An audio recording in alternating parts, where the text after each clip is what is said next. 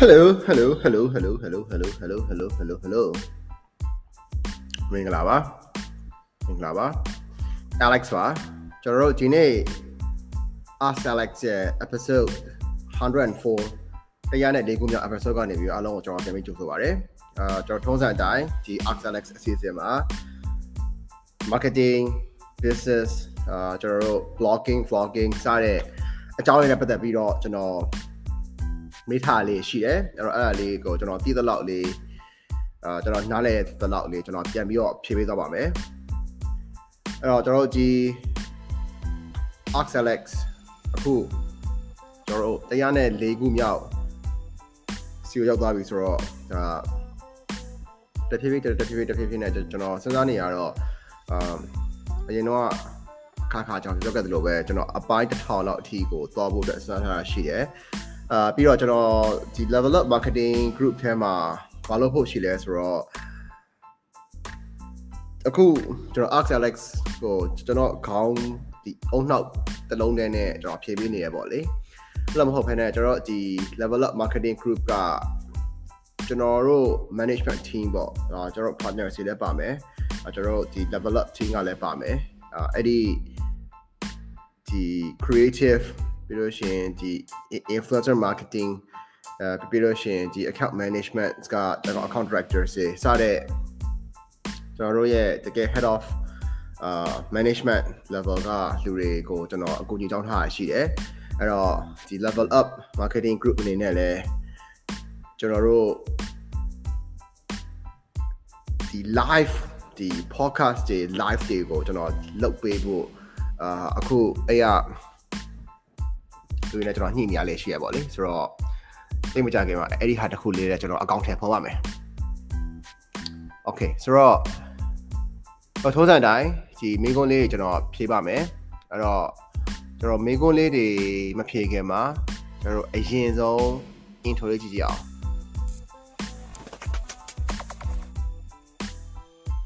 Okay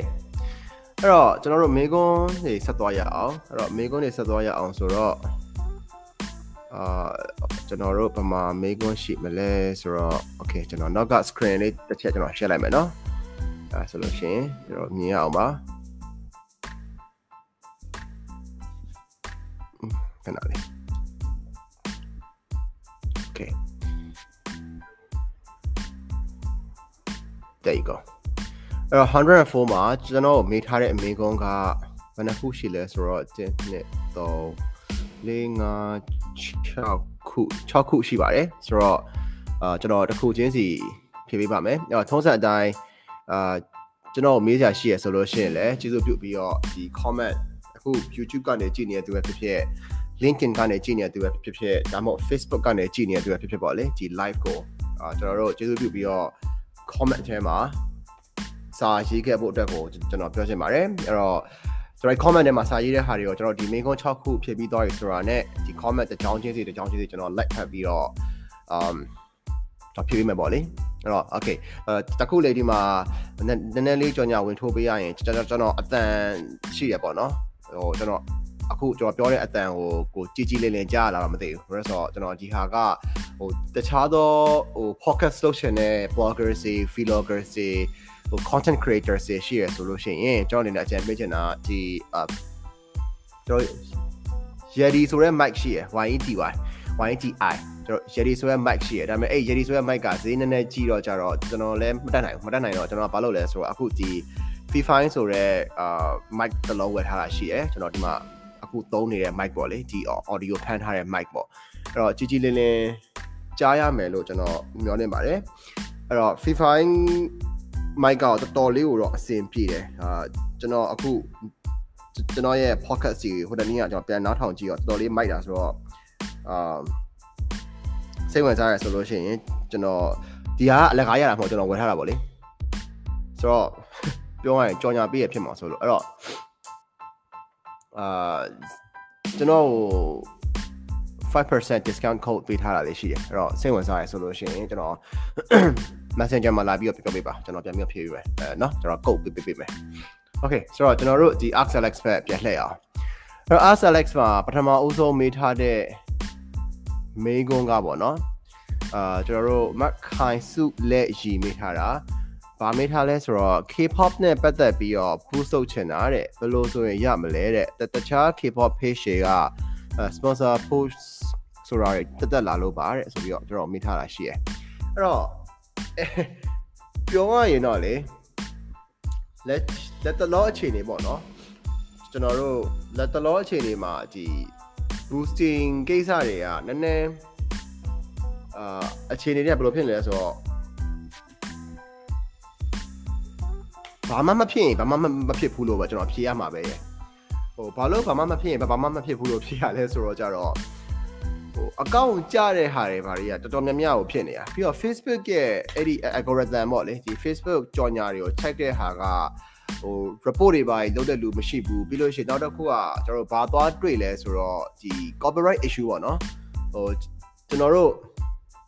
အထူးသဖြင့်ဒီတချင်းနဲ့ပတ်သက်တဲ့ဟာတွေအခု K-pop ဆိုတော့ကျွန်တော်သင်တာတချင်းတော့မသိဘူးအဲ့တော့တချင်းနဲ့ပတ်သက်တဲ့ဟာတွေဆိုလို့ရှိရင်ကဟိုဘက်ကဟိုဘက်ကဆိုတာ copyright owner ပေါ့အဲ့ဒီ mobile ခွင့်ပိုင်ရှင်ကမပိတ်ပြင်ဘာမှမဖြစ်ဘူးပိတ်ပြင်ပိတ်ပြတယ်ပေါ့လေဆိုတော့ကြတော့အဲ့ကြောင့်ကျွန်တော်ဘာမှမဖြစ်ဘာမှမဖြစ်ဘူးလို့ကျွန်တော်ပြောတာအဲ့တော့ဘူးဆုပ်ချင်တာဆိုတော့ကြတော့ကျွန်တော်အနေနဲ့ဘယ်လိုပြောမလဲဆိုတော့ကျွန်တော်လည်းပုံမှန်လင်းပြောရဆိုလို့ရှင်တော့အဲ့ K-pop ကအာကျွန်တော် frenzy တော်တော်ရေးကို trendy ဖြစ်နေတာဆိုတော့ဝင်လင်းဝင်ခံရတာကျွန်တော်အဲ့ဒီဟာကိုတိတိကျကျကြီးတော့ကျွန်တော်မပြောပြတတ်ဘူးအဲ့တော့အာ လုံးလို့ရတာကတော့ဘယ်လိုခေါ်မလဲဒီရုပ်တွေရုပ်တွေဆိုတာလေကျွန်တော် BTS တို့အာ okay ကျွန်တော်သိရဆိုလို့အခု PDS တစ်ဖွဲ့ပဲရှိရပါတော့ကျွန်တော်ကျန်တဲ့အဖွဲ့ကျွန်တော်မသိဘူးဆိုတော့ PDS ပါတော့မှဒါ UN မှာသွားပြီးတော့သူတို့ဟိုဖျော်ဖြေလောက်လိုက်တဲ့အချိန်မှာပဲကျွန်တော်သိတာဆိုတော့အဲ့တော့ PDS တို့ဘာတို့ရဲ့ရုပ်ဟိုမျက်နှာတွေသူတို့ရဲ့ logo တွေတက်နိုင်ရင်တက်နိုင်သလောက်မသုံးပါနဲ့ right အဲ့တော့ဖြစ်နိုင်ရင်စာထဲမှာပါ copy ထဲမှာထည့်မရေးပါနဲ့ အဲ့တော့ဆိုလို့ရှိရင်တော့ကျွန်တော်ရနိုင်ကြီးများပါတယ်เนาะအဲ့တော့စမ်းကြည့်ပါကျွန်တော်ဒီဟာတော့တိတ်ပြီးတော့ပြင်မဆဆကျွန်တော်မဖြစ်နိုင်ပါဘူးအဲ့ဒါအဆင်မရှိပါနဲ့ okay တော့နောက်နောက်ထပ်မေကွန်းတစ်ခုမေးထားတာအာကိုရဲကမေးထားတာပါအဲ့တော့ကိုရဲမေးထားတဲ့အမေကွန်းကကျွန်တော်ထားလဲဆိုတော့ Facebook မှာတဲ့နှစ်လအတွင်း follower 10k နဲ့အာ1 million view 60k ပြီးတော့မှ YouTube လိုမျိုး monetization multi မဟုတ်ဘူး bro monetization ရှောက်လို့ရတာလား အာဒါမှမဟုတ်ဘလောက်အချိန်ကြာလဲရတာလားအစဉ်ပြင် Facebook monetization ဆိုအပြည့်စုံလေးရှင်းပြပေးပါအောင်ကိုကြီးတဲ့အာ monetization ကိုပဲဥတီတော့မှမဟုတ်လို့ပါတဲ့ Facebook knowledge သိမရှိလို့ပါဆိုတော့ okay ကျွန်တော်ဒီမှာ Facebook monetization requirement ဆိုပြီးတော့ကျွန်တော်ရှာထားတာလေးရှိပါတယ်အဲ့တော့အဲ့ဒီဟာလေးကိုကျွန်တော်တစ်ချက်လေးအာပြောပြပါမယ်နော်ဆိုတော့ Facebook monetization check မယ်ဆိုလို့ရှိရင် okay ကျွန်တော်ဗီဒီယိုနဲ့ဖြစ်မှန်တူရနော်အဲ့တော့ဗီဒီယိုမှာသူပြောထားတာဗာလဲဆိုတော့အခုကျွန်တော် screen share ထားတာရှိပါတယ်အကယ်လို့အာအကယ်လို့ဒီ Facebook တို့ YouTube တို့ကနေပြီးတော့ LinkedIn တို့ကနေပြီးတော့ကြည့်နေဆိုလို့ရှိရင်တော့ကျွန်တော် screen share တာမြင်ရတယ်ပေါ့လေဒါပေမဲ့ကျွန်တော်ရဲ့အခု podcast ကိုနားထောင်နေတဲ့သူတွေကတော့အာကျွန်တော်ပြောတဲ့ဟာကိုပဲတစ်ချက်လေးနားထောင်ပေးပါအဲ့တော့သူက Facebook ရဲ့အဲ့ဒီ video ကျွန်တော် in-stream ads ပေါ့ တော့ in-stream ads monetization ကိုကျွန်တော်ရှောက်မယ်ဆိုလို့ရှိရင်လွန်ခဲ့တဲ့နှစ်အဲရက်60အတွင်းလွန်ခဲ့တဲ့ရက်60အတွင်းမှာ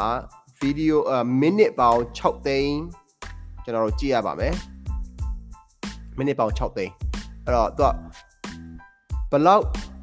view လဲဆိုတာတော့ကျွန်တော်ဒီမှာတော့မပါသေးဘူးဒါပေမဲ့မိနစ်ပေါင်း6သိန်းကျွန်တော်တို့လိုတယ်ပြီးတော့ဒုတိယတစ်ချက်က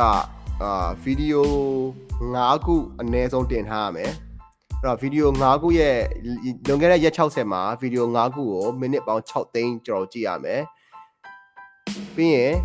အဲ့ဒီ6သိန်းတွေက10ရာခိုင်နှုန်းဖြစ်တဲ့6000က live video ဖြစ်ရမယ်နော်အဲ့တော့အဲ့ဒီလာလိုပါတယ်ပြီးလို့ရှိရင်နောက်တစ်ခုအရေးကြီးတာက ကျွန်တော်တို့ page follower အနည်းဆုံးအနည်းဆုံးကျွန်တော်တို့1000လိုပါတယ်ဆိုတော့ကျွန်တော်6သိန်းလိုမယ်အဲ6သိန်းတွေက6သိန်း minutes view ကကျွန်တော်တို့အနည်းဆုံး6000က live video တွေစီကနေကျွန်တော်လာရမယ်ပြီးလို့ရှိရင်အဲ့ဒါကရက်60အတွင်းဖြစ်ရမယ် page follower ကျွန်တော်1000ရှိရပါမယ်ဆိုတော့အဲ့ဒီအချက်တွေနဲ့ပြည့်စုံတယ်ဆိုလို့ရှိရင်တော့ကျွန်တော်ရပါပြီဟုတ်ပြီနော်အဲ့တော့ကျွန်တော်နောက်ထပ်တစ်ခုအာသွားအောင် Okay ကျွန်တော်နောက်ထပ်တစ်ခုကဘာရှိမလဲဆိုတော့အမရာခန့်အမေးထားတာလေးပါအမရာခန့်အမေးထားတာကကျွန်တော် ad account ဒီ increase period ပေါ်ပြီးတဲ့ payment ကို Visa နဲ့ pay လို့မရတာ account ad account နှစ်ခုသုံးခုရှိပါပြီ ad account တွေနဲ့လည်းသုံးလို့မရလို့ဘယ်လိုဖြည့်ရှင်းရင်ရမလဲအကုန်ဆိုပြီးကျွန်တော်မေးသွားပါတယ်အဲ့တော့ဒါကတော့ဟို increase period နဲ့ဆိုင်တဲ့ ကိစ္စပေါ့လေအဲ့တော့ increase period ဆိုတာကကျွန်တော်ပြဟိုဒီဟာကနှစ်ခုဖြစ်သွားဖြစ်ဖို့များတယ်တစ်ခုက increase period ဆိုတာကကြတော့ပတ်စံမပေးရသေးတဲ့အချိန်ရယ်နောက်တစ်ခုကကြတော့ ad account restriction ကြသွားတာဆိုတော့ increase period ဖြစ်သွားတဲ့ဟာကကျွန်တော်အနေနဲ့မြင်တာကတော့ဟို Facebook ရဲ့ဘယ်လိုခေါ်မလဲ chat support ပေါ့လေဟိုကျွန်တော်တို့ Facebook customer service ကိုတွားပြီးတော့ဟို chat လုပ်လဲဆိုလို့ရှိရင်တော့ Facebook ကနေဒီပတ်စံဖြတ်ပေးပါတယ် အာသို့တော့အဲ့ဒီဟာက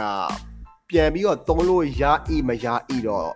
မသိကြဘူးဘာလို့လဲဆိုတော့ restriction ထိနေတယ်ဆိုလို့ရှိရင်ကပြန်ပြီးတော့တုံးလို့မရဘူးဗျ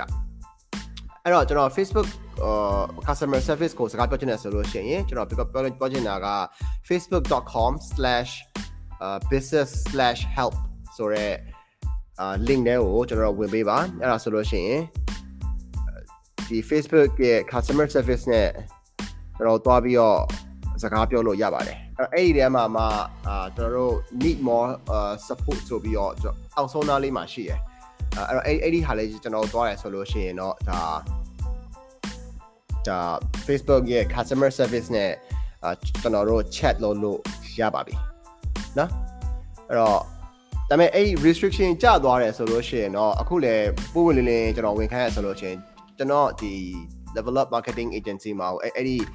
challenge တွေကျွန်တော်ကြုံနေရတယ်ရှိပါတယ်အဲ့ဒီပြဿနာတွေပေါ့လေဆိုတော့အာကျွန်တော်အဲ့ဒီကိစ္စကိုလည်းကျွန်တော်က media buyer ကတော့ဘယ်လိုရှင်းနေလဲဆိုတော့ကျွန်တော်တို့ဒီ ID တွေကျွန်တော်တင်တယ်ပြီးလို့ရှိရင်ခဏခဏဒီ Facebook ရဲ့အဲ့ဒီ chat support ကနေပြီးတော့မှအာတော်တော်ကြည်ကြတယ်ပေါ့နော်ဆိုတော့အဲ့တော့တော်တော်ကြည်ကြပြီးတော့မှ အာကျွန်တော်တို့ရဲ့ account စီကိုပြန်ဆယ်ရတာပေါ့လေအဲ့တော့ရတဲ့ဟာတွေလည်းရှိသလိုမရတဲ့ဟာတွေလည်းကျွန်တော်တို့ကြုံရပါတယ်အဲ့တော့အဲ့ဒီဟာကိုလည်းကျွန်တော်နီလန်တစ်ခုအဖြေရှာနေတဲ့အခြေအနေတစ်ခုပဲရှိပါသေးတယ်ကျွန်တော်အဲအကြောင်းဟိုတိတိကျကျမသိသေးတဲ့အချိန်မှာတော့ကျွန်တော်ဘယ်လိုနီးလန်းလဲဆိုတော့ကျွန်တော်မပြောပြသေးပါဘူးအဲ့တော့ကျွန်တော်အဖြေထွက်လာပြီဆိုလို့ရှိရင်တော့အာပြောပြပေးပါမယ်နော်အဲ့တော့ကျွန်တော်တော့ထပ်ဆက်ပြီးသွားအောင်ကိုဆိုးခတ်မေးထားတာကျွန်တော်တို့ Red Ocean ဖြစ်နေတဲ့ business တွေထဲမှာတဲ့ဘယ်လိုမျိုး survive လုပ်လို့ရမလဲဗျဆိုတော့ it's a very quick question အာကျေးဇူးပါကိုဆိုခက်အခုလိုမျိုးကျွန်တော် good questions တခုမေးပေးတာအဲ့တော့ red ocean ဖြစ်နေတဲ့ business တွေဆိုတဲ့နေရာမှာလေဒီက red ocean blue ocean ဆိုတဲ့ဟာကိုကျွန်တော်မသိရတဲ့သူတွေအတွက်ကကျွန်တော်ပြောမှဆိုလို့ရှိရင် red ocean ဆိုတာအတိုင်းဆိုင်အရင်ညတာကျွန်တော်တို့ဟိုဘယ်လိုခေါ်မလဲ cutthroat market industry ပေါ့လေဆိုတော့ cutthroat ဆိုတာကဒီမှာဟိုဈေးတွေအပြန်ဆိုင်ချတယ်လို့ပြီးလို့ရှိရင်ဒီ အာဘယ်လိုခေါ်မလဲဥမာဒီ market တစ်ခုကြီးရဲ့မှာအပြိုင်ဆိုင်တွေတိတ်များတဲ့ဟာမျိုးတွေအဲ့တော့အဲ့ဒီဟာကိုကျွန်တော် red ocean လို့ခေါ်တယ်အဲ့တော့ red ocean ကနေပြီးတော့ blue ocean ပေါ့လေ blue ocean ကြတော့ဟိုဘယ်လိုဖြစ်သွားလဲဆိုတော့အပြိုင်ဆိုင်နေတယ်အာပြီးလို့ရှိရင်ဟိုကျွန်တော်တို့ဟို brand တွေကကို market ကိုရောင်းလို့ရတယ်ဆိုတဲ့ပုံစံမျိုးကျွန်တော်ဖြစ်ချင်တာပေါ့အဲ့ red ocean ကနေပြီးတော့ကျွန်တော် blue ocean ကိုဘယ်လိုမျိုးသွားကြမလဲလို့ပြောတဲ့အချိန်မှာကျွန်တော် red ocean ဖြစ်တဲ့အဓိကအကြောင်းအရာကတော့မြင်တာပေါ့နော် ဘယ်လိုမြင်လဲဆိုတော့ကျွန်တော်တို့ရဲ့ကျွန်တော်တို့ brand ရဲ့ positioning တခုကိုတော့ပြန်ပြီးတော့ပြောင်းလဲတင်တယ်လို့တော့ကျွန်တော်မြင်တယ်ဟိုဘာကြောင့်လဲဆိုတော့ red ocean ဆိုတဲ့စကားကကျွန်တော်တို့နေရာယူထားတဲ့နေရာလေးတစ်ခုပေါ့နော်ကျွန်တော်တို့ marketing အခေါ်ရတော့ brand positioning ပေါ့အဲ့တော့ brand positioning ဒီဒီ brand အကြောင်းကို brand အကြောင်းကိုစဉ်းစားလိုက်တယ်ဆိုလို့ရှိရင်ဘယ်အားစလဲဆိုတဲ့ဟာပုံစံမျိုးပေါ့လေပုံမှန်ပြောမယ်ဆိုလို့ရှိရင်ဗျာကျွန်တော်တို့ဒီရှန်စေးအာရှန်စေးဆိုတဲ့ဒီဒီရစားပုံစံဆေးတစ်ခုရှိရလေဝုံဝမ်းလားပါလားအဲ့အဲ့ရဆေးလိုက်ကထုတ်တဲ့ဟာဆိုတော့ရှန်စေးဆိုလို့ရှိရင်သူက6ဆုပ်ပြောက်တယ် right အဲ့ဒီချောင်းဆိုးပြောက်တယ်ဆိုတဲ့ positioning တခုပြီးလို့ရှိရင်ရှမ်းပြည်ကလာတယ်ဆိုတဲ့ဟာရယ်ပြီးလို့ရှိရင် local made product ဆိုတဲ့ဟာရယ်အာ ဒီလိုမျိုး positioning ကိုသူတို့ကယူထားတယ်ဆိုတော့မြန်မာနိုင်ငံမှာဒီချောင်းဆိုးပြောက်စေးအများကြီးရှိတယ်ဒါပေမဲ့တချို့တော့ချောင်းစိုးပြပြောက်ဆေးတွေပြောမှဆိုလို့ရှိရင်ဥမာကျွန်တော် like cherry cough တို့ right ပြီးလို့ရှိရင်ကျွန်တော်တို့အာ woods တို့ကျွန်တော် strap cells တို့စားရစားရချောင်းစိုးပြောက်ဆေးတွေရှိတယ်လို့မျိုးကျွန်တော်တို့ဒီရှမ်းစေးကြီးဆိုတဲ့ဟာမျိုးတွေရှိမယ် ပြီးရင်မြန်မာမြန်မာစေးတော့ကျွန်တော်အဲ့လောက်ကြည့်မသိဘူးပြောရရင်ဟိုဝင်လေဝင်ခံရတယ်ဒါပေမဲ့အဲ့ဒီရှမ်းစေးဆိုတဲ့ဟာတစ်ခုပဲသိရပါလေအဲ့တော့ချောင်းဆိုးပျောက်စေးဆိုတဲ့ positioning တစ်ခုတည်းဆိုလို့ရှိရင်ကဆောစောက strap cells တို့ဒီ Sherikov တို့ဒီ Wood ဆိုပါတော့ ਨੇ သွားပြီးတော့ clash ဖြစ်နိုင်တယ်ဒါပေမဲ့ကျွန်တော်တို့ကအဲ့ဒီတဲကနေခွဲထွက်ပြီးတော့မှ local product ဆိုတဲ့ positioning တစ်ခုကိုဝင်လိုက်တယ်ဆိုလို့ရှိရင်တော့ဒါ local market ကိုအားပေးပါဆိုတဲ့ဘက်ကိုကျွန်တော်ရောက်သွားနိုင်တယ်ပြီးလို့ရှိရင်ကျွန်တော်တို့ကဒီ market မှာတော့မှဥမာနယ် market ပေါ့လေနော်ဟိုကျွန်တော်တို့ဒီမြို့ပြလူနေ market ကောနယ် market အထူးသဖြင့်နယ် market ဆိုလို့ရှိရင်ဒီပစ္စည်းဝယ်ရတာဈေးသက်သာတယ်ဒါပေမဲ့ဈေးသက်သာတယ်ဆိုတဲ့ဟာလည်း still ကျွန်တော်တို့ red ocean တာလည်းရှိနေနိုင်ရှိနေနိုင်ပါသေးတယ်အဲအဲ့ခါကျတော့ကျွန်တော်တို့ဒီ blue ocean ကိုသွားမယ်ဆိုလို့ရှင်ဈေးသက်သာတာက တစ်ချက်လေးဘယ်လိုမျိုး brand တွေကဘယ်လို positioning မျိုးနဲ့သွားနေတယ်ဆိုတဲ့ဟာမျိုးကိုကျွန်တော်ကြည့်ကြည့်ပေါ့နော်အဲ့တော့အဲ့ဒါကိုကြည့်ကြည့်ပြီးတော့မှကျွန်တော်တို့ဒီဘက်ကိုယ့်ရဲ့ brand မှာဘယ်လိုမျိုး positioning မျိုးနဲ့အာတခြားသူတွေနဲ့လုံးဝကြီး differentiate ဖြစ်သွားတခြားလူတွေလုံးဝကြီးမဆိုင်တော့လောက်အောင်ကိုဘယ်လိုမျိုး positioning brand positioning မျိုးကိုကျွန်တော်တို့နေရာယူမလဲဆိုတာကိုစဉ်းစားစေချင်တယ်အဲ့ဒါပထမဆုံးတစ်ခု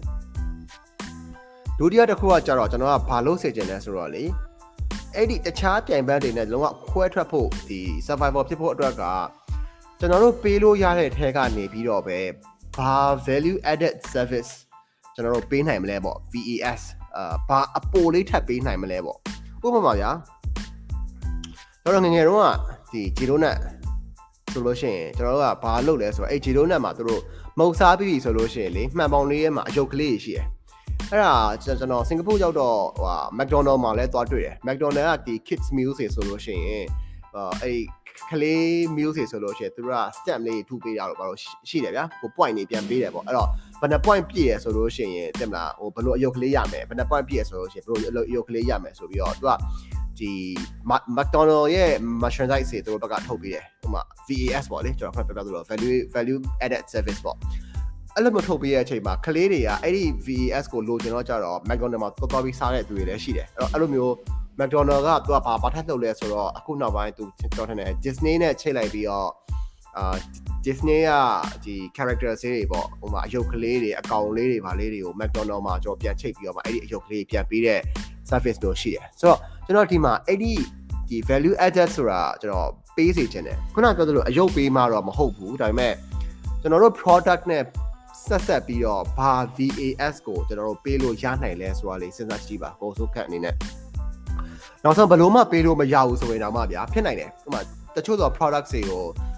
management ကသဘောမတူတဲ့မှာဟိုပတ်စံထက်ကုန်မှာဆိုလို့ငါတို့ဘယ်လို့မှထပ်ပြီးပေးလို့မရဘူးဆိုတဲ့ဟာမျိုးဖြစ်နိုင်တယ်အဲ့တော့အဲ့ဒီအချိန်မှာကျွန်တော်တို့ကနှစ်ပိုင်းရှိတာကတစ်ပိုင်းကကြတော့ဗာလဲဆိုတော့ LTO လို့ခေါ်တယ် limited time offer limited time offer ဆိုတာကဒီအချိန်ကာလတစ်ခုအတွင်းမှာပဲ ကျွန်တော်တို့ဒီပစ္စည်းကိုထုတ်ပေးမယ်ကျွန်တော် limited time offer ဆိုတာကျွန်တော်ဘယ်လိုမျိုးနေရာတွေမှာအဓိကအသုံးပြုပြုကြလဲဆိုတော့စားတောက်ဆိုင်လိုနေရာမျိုးတွေဥပမာဗျာကျွန်တော်ပြောမှဆိုလို့ရှိရင် KFC ဒါကျွန်တော်လုပ်ခဲ့တဲ့အာတခုတော့ one of the အကြိုက်ဆုံး company ပေါ့လေ KFC မှာဆိုလို့ရှိရင်ကျွန်တော်ဘာလုပ်ရလဲဆိုတော့ဒီတလကိုတခု menu အသစ်ထွက်တယ်အခုလည်းအားလုံးလည်းသိထားပြီးမှာပါဟိုကျွန်တော်တို့ဒီ အမ်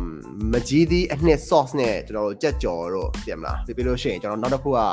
ဟို Sichuan sauce နဲ့ကြက်ကြော်တို့အဲ့မှာပြီးလို့ရှိရင်ကျွန်တော်တို့ဒီ mashed potatoes တို့စတဲ့ဟို limited time offer တွေကျွန်တော်လာတိုင်းလာတိုင်းလာတိုင်းလာတိုင်းလာတိုင်းလာတိုင်းထွက်ပေးရတယ်။ဘာလို့ဆိုတော့အဲ့လိုထွက်တော့မှကျွန်တော်က customers ကိုပြန်ပြီးတော့အာဒီ taste အသစ်လေးရှိရပြန်လာစားပါလားဆိုတဲ့ပုံစံမျိုးကိုကျွန်တော်ကသွားတာပေါ့အဲ့တော့အဲ့ဒီခုနကပြောသလိုလက်ဆောင်ပေးတဲ့ဟာတွေကိုလည်းကျွန်တော်ကဒီ limited time offer တခုအနေနဲ့ကျွန်တော်ပေးလို့ရတယ်ဒါတစ်ချက်နောက်တစ်ချက်ကကြတော့ကျွန်တော်ဘာကိုသွားပြီးတော့ပို့ပြီးတော့ stress out လုပ်ချင်လဲဆိုတော့ပို့ပြီးဖိပြီးကျွန်တော်ပြောချင်လဲဆိုတော့လေဒီ Facebook လိုမျိုး digital marketing ကနေပြီးတော့ content အနေနဲ့ဘယ်လို value added service ကိုပေးလို့ရလဲကျွန်တော် level up marketing မှာအများစုလုပ်နေတဲ့ဟာက okay မြန်မာပြည်မှာ marketer အများစုက product အထီကိုကျွန်တော်ပါခွင့်မရှိဘူးခ communication တမားတွေများတယ် advertise advertiser တွေများတယ် marketer တွေဆိုတာတဲ့ဘာလို့ marketer ဆိုတာကျွန်တော်ပြောမှဆိုလို့ရှင်ဒါအကုန်လုံးလည်းသိပြီးသားဖြစ်မှာပါကျွန်တော်တို့ရဲ့ဟို Philip Kotler ရဲ့စာအုပ်ကနေပြီးကျွန်တော်ပြန်လှန်ပြီးဟိုဂျိုးသားစကားပြောရမယ်ဆိုလို့ရှင် 4P ပေါ့လေဒါမှမဟုတ် 7P ပေါ့အဲ့တော့ 4P ပဲပြောပြော 7P ပဲပြောပြော place price price place promotion ကျွန်တော်ပြင်အစဲခံရတော့မယ်မမှတ်မိလို့အဲ့ တော့ 4P ပဲဖြစ်ဖြစ် 7P ပဲဖြစ်ဖြစ်ကျွန်တော်နှစ်ခုလုံးကဟို product ရဲ့ place ရဲ့ price ရဲ့ promotion အဲမှတ်မိရမှတ်မိပါသေးတယ်တော်သေးရပေါ့မဟုတ်ရင်ကျွန်တော် mentor ရောကျွန်တော် mentor နှစ်ယောက်ကောကျွန်တော်ဆရာပေါ်အောင်ချိန်ခင်ရောကျွန်တော်လာဆဲတော့မှာဆိုတော့အာကျွန်တော်ဒီ product place price promotion အဲ့ဒီလေးခုလုံးကကျွန်တော်တို့ marketing သမားတွေဒီ corporate မှာပဲရှိနေတဲ့သူတွေရောပြီးတော့ကျွန်တော်တို့ဒီ SME မှာပဲရှိနေတဲ့သူတွေရော owner မဟုတ်ဘူးဆိုလို့ရှိရင် management team ကိုမရဘူးဆိုလို့ရှိရင် အဲ့ဒီ product ကော price ကော place ကော promotion ကတော့ maybe ဒါကျွန်တော်တို့စဉ်းစားလို့ရနိုင်တယ်ဒါပေမဲ့အဲ့ရှေ့က၃ခုကိုကျွန်တော်တို့ marketing သမားတွေကစဉ်းစားခွင့်မရှိဘူးပြောတော့မပြောပြကြဘူးဗျာပြောမယ်ဆိုလို့ရှိရင် right အဲ့တော့ကျွန်တော်တို့ကဘာလုပ်ရလဲဆိုတော့ကျွန်တော် communication ကိုပဲကျွန်တော် marketing သမားတွေကဦးစားပေးပြီးတော့ကြော်ညာပေးရတယ်ဥပမာပြောမယ်ဆိုလို့ရှိရင် like uh content marketing right ကျွန်တော်တို့ Facebook မှာ content တွေဘယ်လိုတင်ကြမလဲဘယ်လိုကြော်ညာကြမလဲဆိုတဲ့အပိုင်းတွေကျွန်တော်တို့ဘက်ကအဲ့လိုမျိုး advertising ဒီကြော်ညာဘက်ကိုပဲ ဦးစားပေးကျွန်တော်စဉ်းစားပေးရတယ်အဲ့တော့အများစုကဘာလုပ်ကြလဲဆိုတော့ကျွန်တော် traditional ဘက်ကလာတဲ့ marketing သမားတွေအာကျွန်တော်ပြောရရင်အရင် generation ပေါ့နော်ဟိုကျွန်တော်တို့ senior တွေဆိုလို့ရှိရင်က product ကိုဦးစားပေးပြီးတော့ကျွန်တော်တို့ကြော်ညာခဲ့ရတယ်ဘယ်လို marketing 1.0 2.0ကြိုးစားစကားကျွန်တော်ထပ်ပြောတာပါဟိုတိတ်ပြီးတော့ရွေးချယ်စရာမရှိရဲ့အချိန်မှာပေါ့လေအဲကျွန်တော် product ကိုပြလိုက်ရင်ရပါပြီကုန်ပစ္စည်းကိုပြလိုက်တယ်ဆိုလို့ရှိရင် fine တယ်ဒါလူတွေကကြိုက်တယ် ဒါပေမဲ့ဒီဘက်ခေတ်အခုကျွန်တော်တို့နိုင်ငံခြားကနေပြီးတော့လဲမှားလို့ရလာတဲ့အချိန်တခုဖြစ်လာတယ်ဒီဘက်ခေတ်ဆိုတော့ကျွန်တော်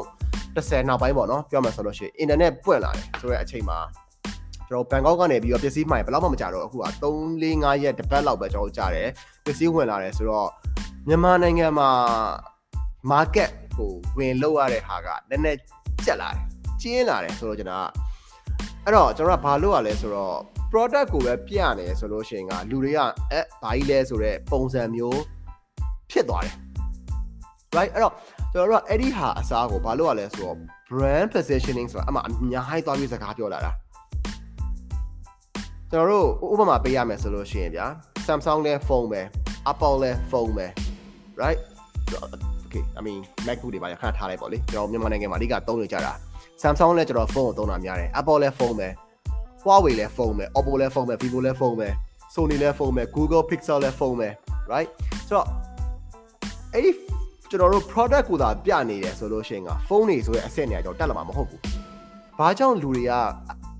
Apple ရဲ့ iPhones ကိုတန်တန်ဆွဲဖြစ်နေရလဲ။ဘာကြောင့်လူတွေက Samsung Galaxy ကိုတန်တန်ဆွဲဖြစ်နေ။ဘာကြောင့်လူတွေက Huawei P series ကိုတန်တန်ဆွဲဖြစ်နေရလဲ။ဘာကြောင့်လူတွေက Google Pixel ကို တန်တန်ဆွဲဖြစ်နေရလဲဆိုတဲ့ဟာတွေဒီအဲ့ဒီသူတို့တယောက်ချင်းစီယူလိုက်တဲ့ positioning အနောက်က value added ဒီ content တွေအများကြီးပါလာလို့အဲ့တော့ကျွန်တော် value added လို့ပြောတဲ့အချိန်မှာကျွန်တော်ကြော်ညာ product product product product product product product product ဆိုတဲ့ပုံစံမျိုးရွေးသွားရဆိုလို့ရှိရင်ညာပြင်းစရာကြီးပြင်မလားဥပမာ CPU ဘယ်တော့ပါတယ်တို့ပြီးလို့ရှိရင် RAM ဘယ်တော့ gig ပါတယ်တို့ဘာဘာလို့ဖြစ်ပဲညာဒီလိုဖြစ်တယ်ဆိုတဲ့ဟာမျိုးလဲဆိုလို့ရှိရင်ကျွန်တော်တို့ကအဲ့ CPU ဘယ်တော့ပါတယ်ဆိုတာကလေဟိုပြောရင် ဒီ product ကိုနားလည်တဲ့လူတချို့လောက်ပဲလက်တက်ဆုပ်စာလူလောက်ပဲကျွန်တော်တို့ကအဲ့ဒီ CPU တွေ RAM တွေ room တွေဘာညာတွေလောက်ပဲသူတို့စိတ်ဝင်စားတာဒါပေမဲ့ everyday use မှာကျွန်တော်အခုသုံးနေတယ်เนาะကျွန်တော်အခု Samsung Galaxy Note 10 Plus ကျွန်တော်သုံးနေရကြော်ညာတာမဟုတ်ပါဘူးအဲ့ဒီ သုံးနေရတော့မှကျွန်တော် power user ကို power user တယောက်ပါကျွန်တော်ဖုန်းကိုမနဲ့အဲ့ရမျက်စိနှလုံးပွင့်တဲ့ channel စပြီးတော့မျက်စိနှလုံးပိတ်သွားတဲ့အထိကျွန်တော်ဖုန်းနဲ့ computer နဲ့ကျွန်တော် down shot ကိုကျွန်တော်သုံးနေရဒါပေမဲ့ကျွန်တော်ဒီအဲ့ဒီ CPU ဘယ်လောက်ရှိလဲဆိုတဲ့ဟာကျွန်တော်ခေါင်းထဲမှာမရှိတော့ဘူး RAM ဘယ်လောက်ရှိလဲဆိုတာကျွန်တော်ခေါင်းထဲမှာမရှိတော့ဘူးကျွန်တော်ခေါင်းထဲမှာဘာရှိလဲဆိုတော့ battery ကြာကြာခန့်အောင်ကျွန်တော်ဘယ်လိုလုပ်ရမလဲလေးမသွားအောင်ကျွန်တော်ဘယ်လိုလုပ်ရမလဲ right အဲ့ဒီပုံစံမျိုးတွေပဲကျွန်တော်ခေါင်းထဲမှာ ရှိနေတာဆိုတော့ကျွန်တော်ကစဉ်းစားတာက okay အဲ့ဒါဆိုလို့ရှိရင်ဒီ value added service အနေနဲ့ကျွန်တော်တို့ technology ကို own လုပ်ချင်တယ်ဒီနည်းပညာတစ်ခုကိုကျွန်တော် own လုပ်ချင်တယ်ဆိုလို့ရှိရင်ကအဲ့ဒီ battery အကြောင်းတွေကျွန်တော်ဘယ်လိုမျိုးကြကြခံအောင်လုပ်ကြမလဲဘယ်လိုမျိုးမလေးအောင်လုပ်ကြရမလဲဘာတွေသုံးတင်တယ်ဘယ်လို application မျိုးလေးတင်တင်တယ်စတဲ့စတဲ့စတဲ့စတဲ့ဒီ value added content တွေကိုကျွန်တော်တို့ဒီ page တွေမှာ တင်နိုင်တယ်ဆိုလို့ရှိရင်ကလူတွေနဲ့ပို့ပြီးတော့ချိတ်ဆက်မိသွားနိုင်တယ်ဆိုတော့ကျွန်တော်က relevant ပို့ဖြစ်တယ် right ဆိုတော့ကျွန်တော်ဘက်ကတော့အဲ့ဒီပုံစံမျိုးမြင်တာပေါ့လေအဲ့တော့အဲ့ဒီ red ocean တွေကနေပြီးတော့ blue ocean ကိုခုန်ထွက်ဖို့အဲ့လိုမျိုး value added service တွေ positioning ခံခိုင်ပါမှာတခုရပြီးတော့မှအဲ့ဒီ positioning ပုံမှာမူပြီးကျွန်တော်တို့ဒီ value added service ကို ပေးနိုင်တယ်ဆိုလို့ရှိရင်ကဒါအများကြီးအများကြီးအများကြီးကျွန်တော်တို့ရောင်းရအဝယ်ရတာအင်မတန်လွယ်သွားနိုင်တယ်လို့ကျွန်တော်ယူဆပါတယ်ကျွန်တော်ဒီဟာကိုဖြေရလဲနည်းနည်းတော့ကြာပါပြီဆိုတော့ကျွန်တော်ဒီလောက်ပဲဖြေပြစေအဲ့တော့အဲ့ဒီနီးနဲ့ survive လုပ်နိုင်လိမ့်မယ်လို့ကျွန်တော်ယုံကြည်ပါတယ်အဲ့တော့စမ်းကြည့်ပါဟိုအုပ်စုခတ်နေတဲ့ Okay နောက်တစ်ခုကိုတီဟာဆိုမေးထားတာအဲ့ကိုတီဟာဆိုမေးထားတာဗာလဲဆိုတော့အာ ကျွန်တော်တို့အရန်သိကျင်တဲ့အကြောင်းအရာလေးတစ်ခုလောက်မေးပြစီခင်ဗျာတဲ့ခဏလေး Okay ရိုင်အာလောဟိုလွန်ခဲ့တဲ့၄နှစ်လောက်ကစပြီးတော့ extra income ကနေ main income ထိ Facebook ပေါ်မှာ business တစ်ခုလုပ်လို့ရတယ်ဆိုတော့ကိုလူတွေကလက်ခံကြတဲ့က boost service content service Facebook page နဲ့ sign service စသဖြင့်ပေါ့ဗျာ social media ဘိုင်းကို service ပေးတဲ့လုပ်ငန်းတွေဝင်ဝင်တော်တော်ရခဲ့တယ်လို့ခံမှတ်မိပါတယ်နောက်ပိုင်းမှာ matter war ကနေပြီးတော့ account ထဲပေါ်မှာဆိုတော့အခုလုပ်နေတာတွေဖြစ်တဲ့ boost service ad service facebook page service တွေကတိတ်အတော့မဝင်တော့ဘူးလို့ထင်မိတယ်လူတွေကအသစ်အသစ်တွေကိုပို့ပြီးစိတ်ဝင်စားကြတာဆိုတော့ matter wall အတွက်ဘယ် sources ကနေပြီးတော့လေ့လာထားတဲ့တလဲကိုဘက်ကနေဘာတွေပြင်ဆင်ထားတဲ့တလဲကျေးဇူးတင်ပါတယ်ခင်ဗျာဆိုတော့ okay another good question ပါ ကိုကိုတီဟဆိုအခုလိုမေးပြရတော့ကျေးဇူးအများကြီးတင်ပါတယ်ဆိုတော့ okay ဒီနေရာမှာကျွန်တော်အဲ့ matter matter ဆိုတာဘာလဲဆိုတဲ့ကိစ္စလေးကျွန်တော်အရင်ဆုံးပြပြပေးပါမယ်ကျွန်တော် matter ဆိုရဲ matter wall ဆိုတာမသိသေးတဲ့သူတွေအတွက်ပေါ့လေအဲ့တော့ matter ဆိုတာကဒီ Facebook ကနေပြီးတော့ထုတ်လိုက်တဲ့စကားလုံးအသက်တစ်ခုပါ matter ဆိုရဲစကားလုံးကတော့ဒါ Facebook ရဲ့ပြောင်းသွားတဲ့ company နာမည်ပေါ့လေเนาะဒါပေမဲ့ matter metaverse ဆိုပြီးသူကထွက်လာတယ် metaverse ဆိုတာကကျွန်တော်အခု universe တို့ ပြန်မအဲ့လိုမျိုးသူကဟို like ကဘာတစ်ခုဖန်တီးပြလိုက်တာအဲ့တော့ဘယ်လိုမျိုးကဘာလဲဆိုတော့ကျွန်တော်တို့ဟိုကြားဘူးတော့မသိဘူး AR တို့ VR တို့အဲ့ဒီနှစ်ခုကျွန်တော်ကြားဘူးမှလည်းတွေ့တယ်ဥပမာ AR ဆိုတဲ့ဟာဗျာအနည်းဆုံးကျွန်တော်ပြောမယ်ဆိုလို့ရှိရင်အာ Iron Man ကြည့်ဖို့မှလည်းတွေ့တယ်ကျွန်တော် Iron Man ထဲမှာဟိုဟို Tony Stark ကကျွန်တော်တို့ပြန်လည်ဖုန်းဆက်ရတယ်ဆိုလို့ရှိရင်အရှိမကျွန်တော်တို့ဥပမာကျွန်တော်တို့ဒီ like data လေးတွေ information လေးတွေတဲ့မှာဟိုတွက်တာချက်ချက်တာလေးကျွန်တော်ပေါ်လာတယ်ကျွန်တော်အပြင်ကမြင်ကိုတော့ကျွန်တော်မြင်နေရသေးတယ်ဒါပေမဲ့အဲ့လိုတွတ်တွတ်ချက်တာလေးပေါ်လာတာဆိုတော့ဒါကကျွန်တော်တို့က AR augmented reality လို့ကျွန်တော်တို့ခေါ်တယ်ပြီးတော့ကျွန်တော်တို့ VR VR ဆိုတာက virtual reality ပါ virtual reality ကဘယ်လိုမျိုးအာကျွန်တော်တို့ဖြစ်သွားလဲဆိုတော့ကျွန်တော်နောက်ထပ်ရုပ်ရှင်တစ်ခုနဲ့ပဲကျွန်တော်ပြပါမယ် Ready Player 1ကျွန်တော် Morisaki Win တယောက်ဆောင်ထားတဲ့ Ready Player 1ဆိုတဲ့ဇာတ်ကားကိုကြည့်ကြည့်ပါအဲ့ဒါဆိုတော့ကျသူတို့မျက်မှန်ကြီးတစ်ခုတက်လိုက်တယ်အဲ့ဒီမျက်မှန်ကြီးတစ်ခုတက်ပြီးတော့မှသူတို့ကအဲ့ဒီကဘာတစ်ခုရောက်သွားတာသူက game နဲ့ရောက်သွားတာပေါ့လေအဲ့ဒီ game ထဲမှာသူတို့ရဲ့အထီးအတွေ့တွေမှာကျွန်တော်လုပ်တဲ့အာအထီးအတွေ့လုပ်လို့ရတဲ့ဒီကဘာရောက်သွားတာပေါ့အဲ့တော့အဲ့ဒါကိုကျွန်တော်တို့ virtual reality ကျွန်တော်တို့လူတကို matrix ဆိုမျိုးပုံစံမျိုးပေါ့လေနော်ဒါပေမဲ့ matrix ကတော့သိငင်သွားပြီဒါပေမဲ့ကျွန်တော်တို့အနည်းဆက်ဆုံးကတော့ဒီ ready player 1ပုံစံမျိုးကျွန်တော်ဖြစ်နိုင်ပါတယ်အဲ့ တော့အဲ့ဒီပုံစံကဒါ virtual reality ကျွန်တော်တို့ Facebook ရဲ့ matter ကဘယ်ဘက်ကိုသွားလဲဆိုတော့ XR လို့ကျွန်တော်တို့ခေါ်တယ် mixed reality mixed reality ဆိုတာကကျွန်တော်တို့ဥမာ Pokemon ဆော့ပုံမှာတူတယ်အားလုံးကျွန်တော် Pokemon ဗျာဟို Pikachu တို့တင်မှာ Charmander တို့ဟို Bulbasaur တို့ Squirtle တို့အဲ့လိုမျိုးဒီဒီအကောင်လေးတွေရှိရယ် Okay ကျွန်တော်အဲ့အကောင်လေးတွေကိုတကယ်အပြင်မှာမရှိဘူး right ဒါပေမဲ့အပြင်မှာမရှိပေမဲ့ကျွန်တော်တို့အပြင်မှာရှိနေတဲ့ရောက်ကျွန်တော်တို့ရဲ့ကြောင်နေခွေးတွေလို့မျိုးအပြင်မှာရှိနေတဲ့ရောက်ဒီ mixed reality နဲ့ကျွန်တော်တို့မျက်မှန်တက်လိုက်တဲ့အချိန်မှာအပြင်လောကကိုမြင်ရမယ်ဒါပေမဲ့ virtual လိုမျိုးဒီအကောင့်လေးတွေကရှောက်သွားနေတယ်ပေါ့အဲ့တော့ပြီးတော့နောက်တစ်ခုက Facebook ကဘာလုပ်နေလဲဆိုတော့အခုအာ skin တစ်ခုထွက်နေတယ် skin ကကျွန်တော်အဝယ်စားဝတ်ထားသလိုမျိုးပဲ right ကျွန်တော်တို့ဒီတစ်ကိုယ်လုံးဝယ်ဝယ်လို့ရတဲ့ skin တစ်ခုပေါ့ Mark Zuckerberg ပြသွားတဲ့ view ထဲမှာလည်းပါတယ်သူကဟိုဟာဆော့တာဒီဓားဆော့တာပေါ့ကျွန်တော်တို့ soft fight လုပ်တယ်အဲ့အဲ့အချိန်မှာကျွန်တော်တို့တခုခုပေါ့တခုခုဟို game ထဲမှာရိုက်လိုက်တယ်ဆိုလို့ရှိရင်ကအခုကျွန်တော်ကိုယ့်ကိုယ်ကိုရိုက်တယ်လို့မျိုးကျွန်တော်ဒီထဲမှာထိမှုကိုသိတယ်ကျွန်တော်ဒီမှာလာထိတယ်ဆိုတော့ကျွန်တော်သိတယ်အဲ့တော့ကျွန်တော်ရင်ဘက်မှာလာထိတော့ရဲ့ဟာကကျွန်တော်ရဲ့ဒီအင်ဂျီပေါ်ကနေပြီးတော့တုံသွားတာ ဆိုကျွန်တော်ကလေဟောတုံသွားတယ်ဆိုတော့အဲ့ဒီပုံစံမျိုးကိုသူ Facebook ကနေထုတ်နေရဆိုတော့ကြတော့တကယ်အဲ့ဒီ virtual wall ပေါ့လေကျွန်တော်တို့ကဘာအစ်တစ်ခုဟို game နဲ့ရောက်သွားတဲ့အချိန်မှာအထိအတွေ့အစကျွန်တော်စပြီးတော့ခန်းစားလို့ရတယ်အဲ့တော့ကျွန်တော်တို့က mixed reality လို့ကျွန်တော်တို့ခေါ်ပါတယ်နော်အဲ့တော့အဲ့ဒါကကျွန်တော်တို့ matter ဆိုတဲ့အာစကားလုံးနဲ့သူတို့ဘက်ကသုံးပါတယ်ကျွန်တော်တို့ဒါ metaverse ပေါ့လေဟုတ်ပြီအဲ့တော့အဲ့ဒါကျွန်တော်သိပါတယ်ဆိုလို့ရှိရင်ကျွန်တော်ဆက်သွားအောင် ကျွန်တော်ကိုကျွန်တော် client အာမက်ဆေ့မြင်းကဒီ Christmas ဒီတစောင်းနိုင်လက်ဆောင်ဆိုပြီးတော့အာဟိုတနေ့က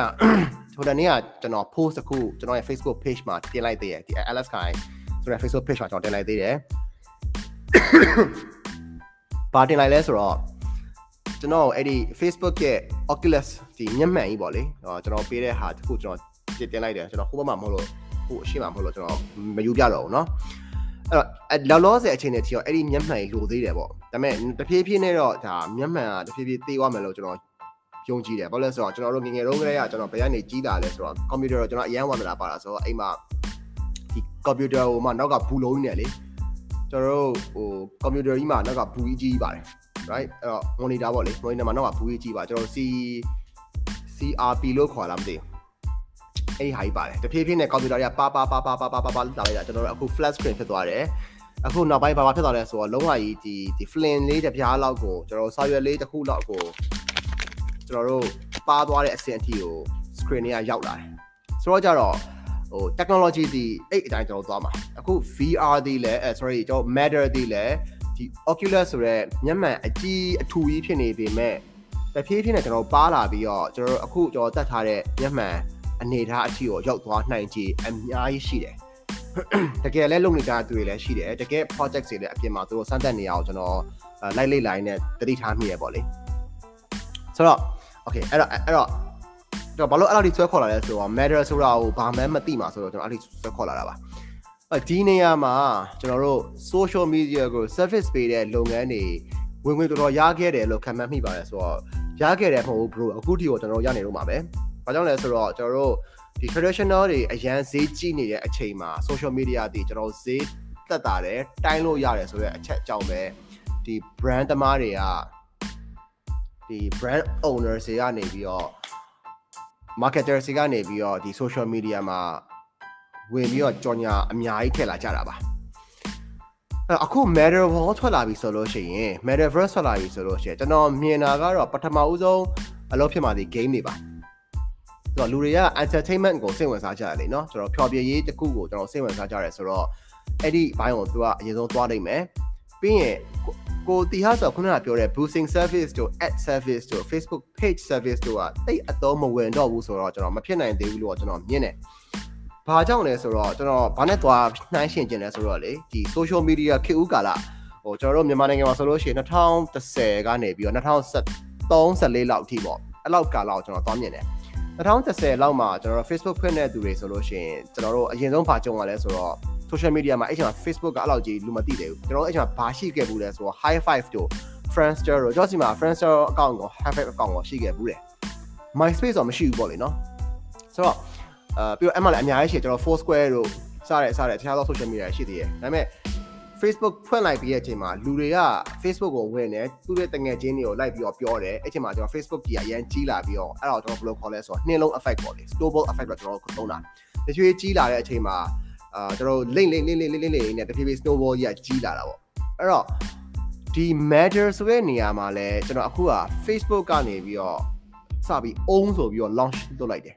ထုတ်ပြလိုက်တယ်ပေါ့အခု Microsoft ကနေပြီးတော့လည်း ဒါသူတို့ကိုပိုင် matter ကိုပိုင် metaverse ကိုအာသူတို့စပြီးတော့လုပ်နေပြီလို့ဟိုတနေ့ကတည်င်းတက်လာတာဆိုတော့ဒီကိစ္စကကျွန်တော် social media ခေတ်ဦးကာလကိစ္စလို့ကကျွန်တော်ဖြစ်သွားဖို့များတယ် right ဆိုတော့လောလောဆယ်အခြေအနေကတော့ဒီ matter ကိုအရင်ဆုံးစပြီးတော့ own လုပ်ဖို့အတွက်ကိုသူတို့နိုင်ငံကပေါ့လေကြာကျွန်တော်ဖွံ့ဖြိုးပြီးနိုင်ငံ US တို့ maybe တော့ maybe China လည်းပိုင်းပါမှာပေါ့လေနော်သူတို့နိုင်ငံတွေကနေပြီးအဲ့ဒါအသက်ကုန်စူးစမ်းပါ ကျွန်တော်တို့ကဒီဘက်ကဘာကိုနားလည်ထားရမလဲဆိုတော့လေ Okay ကျွန်တော်ဒီဟာကိုဖြည်းဖြည်းလေးဖြည်းဖြည်းကျွန်တော်ပြောနေရပါဆိုတော့အကြောင်းရင်းကနည်းနည်းဟိုဘက် future ကိုကျွန်တော်ပြောနေရတာဆိုတော့ကျွန်တော်နားမလဲစကားလုံးတွေအများကြီးပါလာနိုင်ပါတယ် right အဲ့တော့နားမလဲကိုကျွန်တော်ပြောလိုက်တာတခုခု machine ဖြစ်သွားရဆိုလို့ရှိရင်လည်းဟို comment အထဲမှာတခါတည်းကျွန်တော်မေးလို့ရတယ်ကျွန်တော်တခါဖြည့်ပေးမယ်အဲ့တော့အဲ့ဒီ ဒီ matter ကိုလေ့လာခြင်းတယ်ဆိုလို့ရှိရင်ကျွန်တော်အနေနဲ့ဘာကိုအရင်ဆုံးလေ့လာစေခြင်းလဲဆိုတော့ matter ရဲ့အနောက်က technology ပေါ့နီးပညာကအရန်အရေးကြီးလာမှဒီအခုတော်တော်များများ digital marketer တွေကြားထဲမှာပေါ့နော်ကျွန်တော်တခြားသော industry လို့တော့ကျွန်တော်မပြောတော့ဘူး digital marketing သမားတွေကြားထဲမှာနည်းနည်းလေးခက်စားလာတဲ့ blockchain technology blockchain ဆိုတာကျွန်တော်တို့အခု အနည်းဆုံးဖြစ်ရင် bitcoin ပေါ့လေအဲ့တော့ bitcoin ရဲ့အနောက်က technology အဲ့ blockchain technology ရဲ့အဲ့တခုရဲ့ပြီးရင်နောက်တစ်ခုကကျွန်တော်တို့ NFT non fungible token ဆိုတဲ့အဲ့နှစ်ခုကိုအရင်ဆုံးလေ့လာပါပြီးတော့အဲ့ဒီနှစ်ခုကဒီ metaverse ကိုအများကြီးကျွန်တော်တို့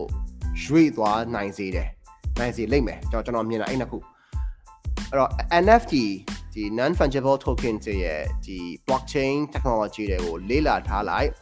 အဲ့ဒါဆိုလို့ရှိရင်တော်တော်လေးကျွန်တော်တို့ဟိုကြော်ညာလုံးမဲ့ဒါမှမဟုတ် marketing promotion လုံးမဲ့သူတွေအဖို့ကဒီ meta wall မှာ metaverse မှာကျွန်တော်တော်တော်လေးအာခြေကုပ်တစ်ခုရသွားနိုင်တယ်ဒါပထမချက်ပြီးတော့ဒုတိယတစ်ချက်ကဘာလဲဆိုတော့ကျွန်တော်ဟိုတနေ့က Facebook ရဲ့ spot ကိုကျွန်တော်စမ်းဖွင့်ကြည့်တယ် Facebook ရဲ့အခုလေကျွန်တော်ဒီ story တွေမှာကျွန်တော် Facebook story တင်ဆိုလို့ရှိရင်များများမျက်နှာကိုမျက်မှန်တက်တာတို့ဟိုပြီးလို့ရှိရင်တမကြောင်လေးတွေနန်းလေးမှာပေါ်လာတာတို့အဲအဲ့လိုအဲ့ဒီအဲ့ဒီ AR story တွေကျွန်တော်စမ်းကြည့်တယ် filter စေဖို့လေပြောမှဆိုတော့ filter ဆိုတာကတိတ်ပြီးတော့စမ်းတဲ့ကိစ္စမဟုတ်တော့ဘူးဒါကျွန်တော်ကြတော့ဘာသွားတွေးလဲဆိုတော့အဲ့ဒီ filter ကိုဘယ်လိုမျိုး brand အနေနဲ့အာဖန်တီးလို့ရမလဲဆိုတဲ့ဟာကိုကျွန်တော်တွေးကြည့်တော့ Facebook ရဲ့ Spark S P A R K Spark ကိုကျွန်တော်သွားတွေ့တော့အဲ့ဒီ Spark ထဲမှာကျွန်တော်ဝင်ပြီးတော့စမ်းကြည့်တယ်အဲ့တော့အာတိတ်တော့မခက်ဘူးကျွန်တော်တို့ Canva နဲ့အတူတူပဲကျွန်တော် Photoshop တွေပါနဲ့အတူတူပဲအဲ့မဲ့တဖြည်းဖြည်းနဲ့ကျွန်တော်တို့ကဘာဖြစ်သွားနိုင်လဲဆိုတော့ဘာဖြစ်သွားနိုင်လဲဆိုတော့ဒီ web developer app developer လို့မျိုးဒီ AR VR developer just programmer အနေနဲ့ကျွန်တော်တို့အများကြီးအအလုပ်ကိုင်ခွင့်လန်းနေကျွန်တော်ပွင့်လာနိုင်တယ်လို့ကျွန်တော်မြင်တယ်ဒါကကျွန်တော်တို့က ဒီ metaverse ကိုလုပ်တဲ့သွားမဲ့အချိန်မှာကျွန်တော်ဖြစ်လာနိုင်တဲ့အလုပ်ကိုင်ပေါ့လေအဲ့တော့ marketing သမားတွေကြောက်ရလဲကျွန်တော်တို့ကဘာလုပ်အောင်လဲဆိုတော့ okay ကျွန်တော် metaverse ကိုသွားဖို့အတွက်ခဏထားလိုက်အောင်အဲ့တော့ metaverse ကနောက်ထပ်3နှစ်ကနေနောက်ထပ်5နှစ်လောက်အထိကိုဒီ technology ကကြောက်အောင်ပါကျွန်တော်ကျွန်တော်မြင်တယ်ပေါ့လေဆိုတော့ချက်ချင်းကြီးအုံကနေပွင့်လာဖို့ကဘယ်နည်းမှဖြစ်နိုင်ဘူးဆိုတော့ तू က internet ခေတ်ဦးကာလနီးနီးလောက်ကိုဥပမာ computer ခေတ်ဦးကာလနီးနီးလောက်ကို तू က hardware နဲ့အဆိုင်တဲ့အတွက်ကြောင့်အဲ့လောက်ထိကိုသူတွေကကြောက်မှာအခုဆိုကျွန်တော်တို့ Oculus ကိုအာဝယ်လို့ရှိရင်အနည်းဆုံး Oculus 2ကဘယ်လောက်ပေးရလဲဆိုတော့9သိန်းလောက်ရှိရယ်ဆိုတော့လူတိုင်းသုံးနိုင်တဲ့အခြေအနေတခုမဟုတ်သေးဘူးကျွန်တော်ဖုန်းတွေလိုပဲ computer တွေလိုပဲခေတ်ကာလမှာပေါ့အဲ့တော့တဖြည်းဖြည်းနဲ့ကျွန်တော်တို့က technology အသစ်အသစ်တွေထွက်လာတဲ့အချိန်မှာ ပြန်ဘက်တွေတဖြည်းဖြည်းများဟိုဘယ်လိုခေါ်မလဲ market တဖြည်းဖြည်းပြန်ဝင်ပြိုင်တဲ့သူတွေများလာတဲ့အချိန်မှာ company တွေများလာတဲ့အချိန်မှာဈေးကကျလာတော့အဲ့အချိန်မှာလူတွေကလူတိုင်းဝင်နိုင်တယ်ဆိုတဲ့ဘက်ကဖြစ်သွားတာပေါ့ဒါကတော့ကျွန်တော်တို့ဟို product life cycle ပါပဲပြောမှဆိုလို့ရှိရင်အဲ့တော့ကျွန်တော်တို့အဲ့ဒီဟာကိုခဏထားကျွန်တော်လက်ရှိမှာခစ်စားနေတဲ့ဒီ short stories တွေဒီ AR filters တွေဘယ်လိုမျိုးလုပ်လို့ရနိုင်လဲဆိုတာကိုဦးစားပေးပြီးကျွန်တော်လေ့လာကြည့်ကြည့်ကြည့်ပါ ပြီးရင်အရေးကြီးတာကလေဆော့ဆော့ကကိုတီဟာဆိုမေးလိုက်တဲ့အမေကောဘလို့ပြင်ဆင်ထားသင့်လဲဆိုတဲ့ဟာကိုကျွန်တော်အနေနဲ့အကြံအပေးချစုံတစ်ခုကအဲ့ဒီ matter ကိုသုံးကြည့်ပါအဲ့ဒီ metaverse ဆိုတာကိုသုံးကြည့်ပါဘလို့သုံးရလဲဆိုတော့ Oculus Facebook Oculus ဆိုတာရှိတယ်ဝယ်ပါ9သိန်းလောက်တော့ရှိလိမ့်မယ်ဒါက investment တစ်ခုပါ ရင်းနှီးမြှုပ်နှံမှုတစ်ခုပါဆိုတော့အဲ့ဒီရင်းနှီးမြှုပ်နှံမှုကတော့ကျွန်တော်ကလုပ်စေခြင်းတယ်ဟိုကျွန်တော်လည်းအခုကဟိုဟိုကျွန်တော် client ဒီ Demi Stream က client အမောက်ကျွန်တော်အကျေးဇူးအများကြီးတင်တယ်ဆိုတော့ကျွန်တော်မဟုတ်ရင်ကျွန်တော်နောက်နှစ်မှာအဲ့ဒီဟာကိုကျွန်တော်ဝယ်ဖို့အတွက်အထိကိုကျွန်တော်စဉ်းစားထားတာဘာလို့ဆိုတော့ metaverse ကြီးဟုတ်တယ် it's like the next big thing ညာ next big thing မို့လို့ဒီ Facebook ရဲ့ game နဲ့ကို Microsoft ကဝင်လာတာ Google လည်းဝင်လာမှာပဲ Apple လည်းဝင်လာမှာပဲဆိုတော့ အဲ့ next big thing ကိုကျွန်တော်တို့ဘက်ကနေပြီးတော့အရင်ဆုံးစမ်းကြည့်နိုင်ဖို့လိုတယ် taste လုပ်နိုင်ဖို့လိုတယ်အရသာခံနိုင်ဖို့ကျွန်တော်လိုရလို့ကျွန်တော်မြင်တယ်အဲ့ဒီတော့ကိုတီဟာဇော်တို့လိုမျိုးဒီ matter ကိုစိတ်ဝင်စားတဲ့သူတွေအနေနဲ့ဒီချိန်မှာကတည်းကအဲ့ဒီ experience တစ်ခုအဲ့ဒီအတွေ့အကြုံတစ်ခု matter ဆိုတာဘာလဲဆိုတဲ့အတွေ့အကြုံအဲ့ကြောင့်ကျွန်တော်မနက်ကကျွန်တော်ရဲ့ creative partner တွေပေါ့ဟို squad creative creative partner တွေကျွန်တော် ကျွန်တော်ဒီ Oculus ကိုပေးပြီးတော့ကိုတို့စမ်းကြည့်ပါဆိုပြီးတော့သူတို့စမ်းခိုင်းတာအဲ့ဒါမှအဲ့ဒီ experience ရတော့မှဆိုကျွန်တော်လေဒီပေါ်မှာဘာလို့လို့ရမလဲဆိုတော့ idea ကဆက်ဆက်ပြီးတွေးလို့ရမှာမဟုတ်ရင်မဟုတ်ရင်ကျွန်တော်ကဘာနဲ့သွားတူလဲဆိုတော့လေမြက်ကန်း6ရောက်မျက်မမြင်ပုံနာ6ရောက်ဆင်ဆန်းတယ်လို့ပဲဒီမှာဆင်ဆိုတာဘာကြီးလဲဆိုပြီးရဆိုလို့ရှိရင်မသုံးဘူးတော့ကြတော့လေအဲဆင်ဆိုတာက ဒီမှာ6ရောက်ခိုင်းတဲ့လူက6ရောက်2မောင်းခိုင်းတဲ့လူက2မောင်း2ရက်ခိုင်းတဲ့လူကဒီမှာဖြင်ကြီးလိုပဲအဲ့လိုမျိုးဖင်ဖုံတော့ဖြင်လို့ပြောတော့ exploit terms ကျွန်တော်မသုံးပါဘူးကျွန်တော်ဆက်ရလေးကလွှဲလို့အဲ့လိုမျိုးကျွန်တော်ပြောပြောပြနိုင်တယ်နောက်ကြတော့တကယ်စမ်းပြီးသုံးကြည့်ပါကျွန်တော်သုံးကြည့်တာကတော့ကျွန်တော်အခုအဲ့ဒီမှာစပြီးစမ်းပြီးကျွန်တော် game တွေဆော့ကြည့်နေတယ်အဲတော်တော်လေးလူလူချင်းထိဆက်လို့ရတဲ့ experience တွေတခုရတယ်ဆိုတော့ကြတော့ အာကျွန်တော်တွေးထားတဲ့အတွေးတွေလည်းဟိုဘာလို့လို့ရနိုင်လဲဆိုတော့အတွေးတွေကျွန်တော်အများကြီးတွေးထားပြီးပြီးသားအာဖြစ်နေပါပြီဒါပေမဲ့လောလောဆယ်အထိကတော့ matter ဆိုတဲ့ဟာဒီဒီ program တစ်ခုကိုကျွန်တော်တို့ software တစ်ခုကို matter ပေါ်မှာ application တစ်ခုကိုရေးပြီးတော့မှဒါကိုယ်ပိုင်ဟာဆိုတဲ့ဘက်ကိုတောက်လို့ရမှာဆိုတော့ကျတော့အဲ့ဒီ model မျိုးလည်းဖြစ်နေတာပေါ့လေပြီးလို့ရှိရင်နောက်တစ်ခုကကျတော့အဲ့ဒီ matter ပေါ်မှာပဲ social media တွေရှိတယ်အာကျွန်တော်တို့ဒီလူလူချင်းတွေ့လို့ရတယ်ဆိုတော့ social media တွေရှိရဆိုတော့ game လိုပဲပေါ့လေတင်ပါမှာအခန်းတစ်ခန်းရောက်သွားတယ် အဲ့ဒီမှာလူတွေအများကြီးပဲတော့အဲ့ဒီမှာကျွန်တော် like ပြီးတော့စကားပြောလို့ရတယ်ဆိုတော့ back ထီကိုရောက်သွားတာဆိုတော့အာတော်တော်လေးတော့စိတ်ဝင်စားဖို့ကောင်းတယ်ဒါပေမဲ့ကျွန်တော်ဆော့ဆော့ပြောတဲ့ဒီ AR တို့ပြီးလို့ရှိရင်ဒီ blockchain တို့ဒီ NFT တို့စတဲ့စတဲ့စတဲ့စတဲ့ဒီ technology ကိုအရင်ဆုံးလေ့လာကြည့်ကြည့်ပါကျွန်တော် Facebook ကိုတွားချင်တယ်ဆိုလို့ရှိရင် Facebook ရဲ့နောက်ွယ်က policy တွေ Facebook ရဲ့ဒီ organic reach ကိုဘယ်လိုပြလဲဆိုတော့ algorithm တွေကိုကျွန်တော်လေ့လာခဲ့ရတယ်လို့မျိုးပဲ အခုဒီ metaverse ကိုသွားတော့မယ်ဆိုလို့ရှိရင် metaverse ရဲ့နောက်ွယ်ကဒီအခြေခံဖြစ်တဲ့ blockchain တွေအာကျွန်တော်တို့ဒီ NFT တွေစတဲ့အခြေခံလေးတွေကိုတော့ကျွန်တော်တို့လေ့လာသိချင်ပါတယ်အဲဒါဆိုလို့ရှိရင်တော့ဒါတော်တော်လေးနောက်ထပ်9နှစ်လောက်အချိန်မှာအရင်ဆုံး pioneer တွေဖြစ်လာမှာပါကျွန်တော်လည်း try နေတယ်ဘာလို့ဆိုတော့ ဒါက the next big thing ပေါ့လေနော်အဲ့တော့ကျေးဇူးပါကိုတရားဆိုတော့အခုလိုမျိုးမေးပေးတာ Okay ကျွန်တော်နောက်ထပ်တစ်ခု Okay ဒါတော့နောက်ဆုံးမေးခွန်းနဲ့တူပါတယ်ကျွန်တော်တို့ဒီ Facebook ကနေပြီးတော့မေးထားတာကိုချမ်းဝေလေးမေးထားတာအခုလာမယ့်2022မှာ digital marketing ကဘယ်အပိုင်းတွေမှာ trend ဖြစ်လာပြီးတော့ဘယ်အပိုင်းတွေမှာညော့သွားမယ်ဆိုတဲ့အလေးရယ်အခု2021 2022မှာ global နဲ့မြန်မာကြားက marketing user ချက်ကွာခြားချက်လေးရယ် how to follow the trends ရဲ့၃ချက်လောက်ကိုတဲ့အမြင်အကြံပြုပြုချက်လေးပေးပါအောင်ပြရတယ် Okay another good question ကိုချမ်းကျေးဇူးအများကြီးတင်ပါတယ်ဟိုအခုလိုမေးပေးတာဆိုတော့ပထမဦးဆုံးမေးခွန်းပါလေ2022မှာ digital marketing ကဘယ်အပိုင်းတွေမှာ trend ဖြစ်လာနိုင်လဲဆိုတော့ကျွန်တော်မြင်တာက okay 2022မှာမဟုတ်တော့2020လောက်ခရေကနေပြီးတော့စပြီးတော့ trend ဖြစ်လာတာဒီ data back marketing မှာ ကျွန်တော် data ဒီအရန်ကိုအရေးကြီးလာတဲ့အရန်ကိုအရေးပါလာတဲ့ marketing မှာပေါ့လေအရန်ကိုအရေးပါလာတဲ့အချက်တစ်ချက်ဖြစ်လာတယ်အဲ့တော့ data ကိုမရရင်ကြော်ညာလို့မရတော့ဘူးဆိုတော့အစစ်အထီကိုကျွန်တော်တို့အခုသွားနေကြပါတယ်အဲ့တော့အဲ့ဒီ customer data တွေဥပမာဗျာကျွန်တော်တို့ဖုန်းနံပါတ်တွေလိပ်စာတွေသူတို့ကြိုက်တာတွေသူတို့တုံသူတို့ဖတ်ကြည့်နေတဲ့ content တွေပါတယ်ညာတွေပေါ့နော်အဲ့ဒီအဲ့ဒီ data တွေကို ကျွန်တော်တို့အရင်ဆုံးအာ trendy အများကြီးပို့ပြီးတော့ဖြစ်လာမယ်လို့ကျွန်တော်မြင်ပါတယ်ဒါပထမတစ်ချက်အဲဒုတိယတစ်ချက်ကကြတော့ကျွန်တော်ကတော့ဗာမြင်လာလဲဆိုတော့အခုဒီ portrait short video တွေပေါ့ကျွန်တော်တို့အရန်တကဘာလုံးမှာအရန်နာမည်ကြီးလာတာဒီပြောရရင် TikTok ပါမြန်မာပြည်မှာ boycott လုပ်နေတော့ညာလဲပဲမြန်မာပြည်မှာဆိုတာမျိုးပြတွေမှာကျွန်တော်တို့ boycott လုပ်လုပ်နေတော့ညာလဲပဲကျွန်တော်နယ်တွေမှာအစအခု ကျွန်တော်နေကကျွန်တော်အတိတွေကိုလိုက်ပြီးတော့မေးတယ်ကျွန်တော်အများနဲ့ဟို market survey ကိုဟိုကိုဟာကိုနိုင်တဲ့လောက်လေးပေါ့လေကျွန်တော်နဲ့ခင်တဲ့သူတွေကျွန်တော်လိုက်ပြီးစကားပြောကြည့်ရရှောက်မေးရပြီးလို့ရှိရင်ကျွန်တော်နဲ့ခင်တဲ့သူဆိုတာမှအသက်ကြီးရဲ့အသက်50လောက်ကလည်းစပြီးတော့အသက်6နှစ်လောက်ထိကိုကျွန်တော်စကားပြောတဲ့ရပြီဆိုကျွန်တော်အချောက်မေးကြည့်ဟာရွေးရှိရဆိုတော့ပြန်ကြားတဲ့ပုံစံအရာကဒီ TikTok တွေတော်တော်ကြီးကိုမြန်မာနိုင်ငံထဲမှာလည်းကျွန်တော်ဝင်နေပါပြီဘက်ကလွတ်တဲ့လူလည်းရှိရပါလိမ့်နော်အဲ့တော့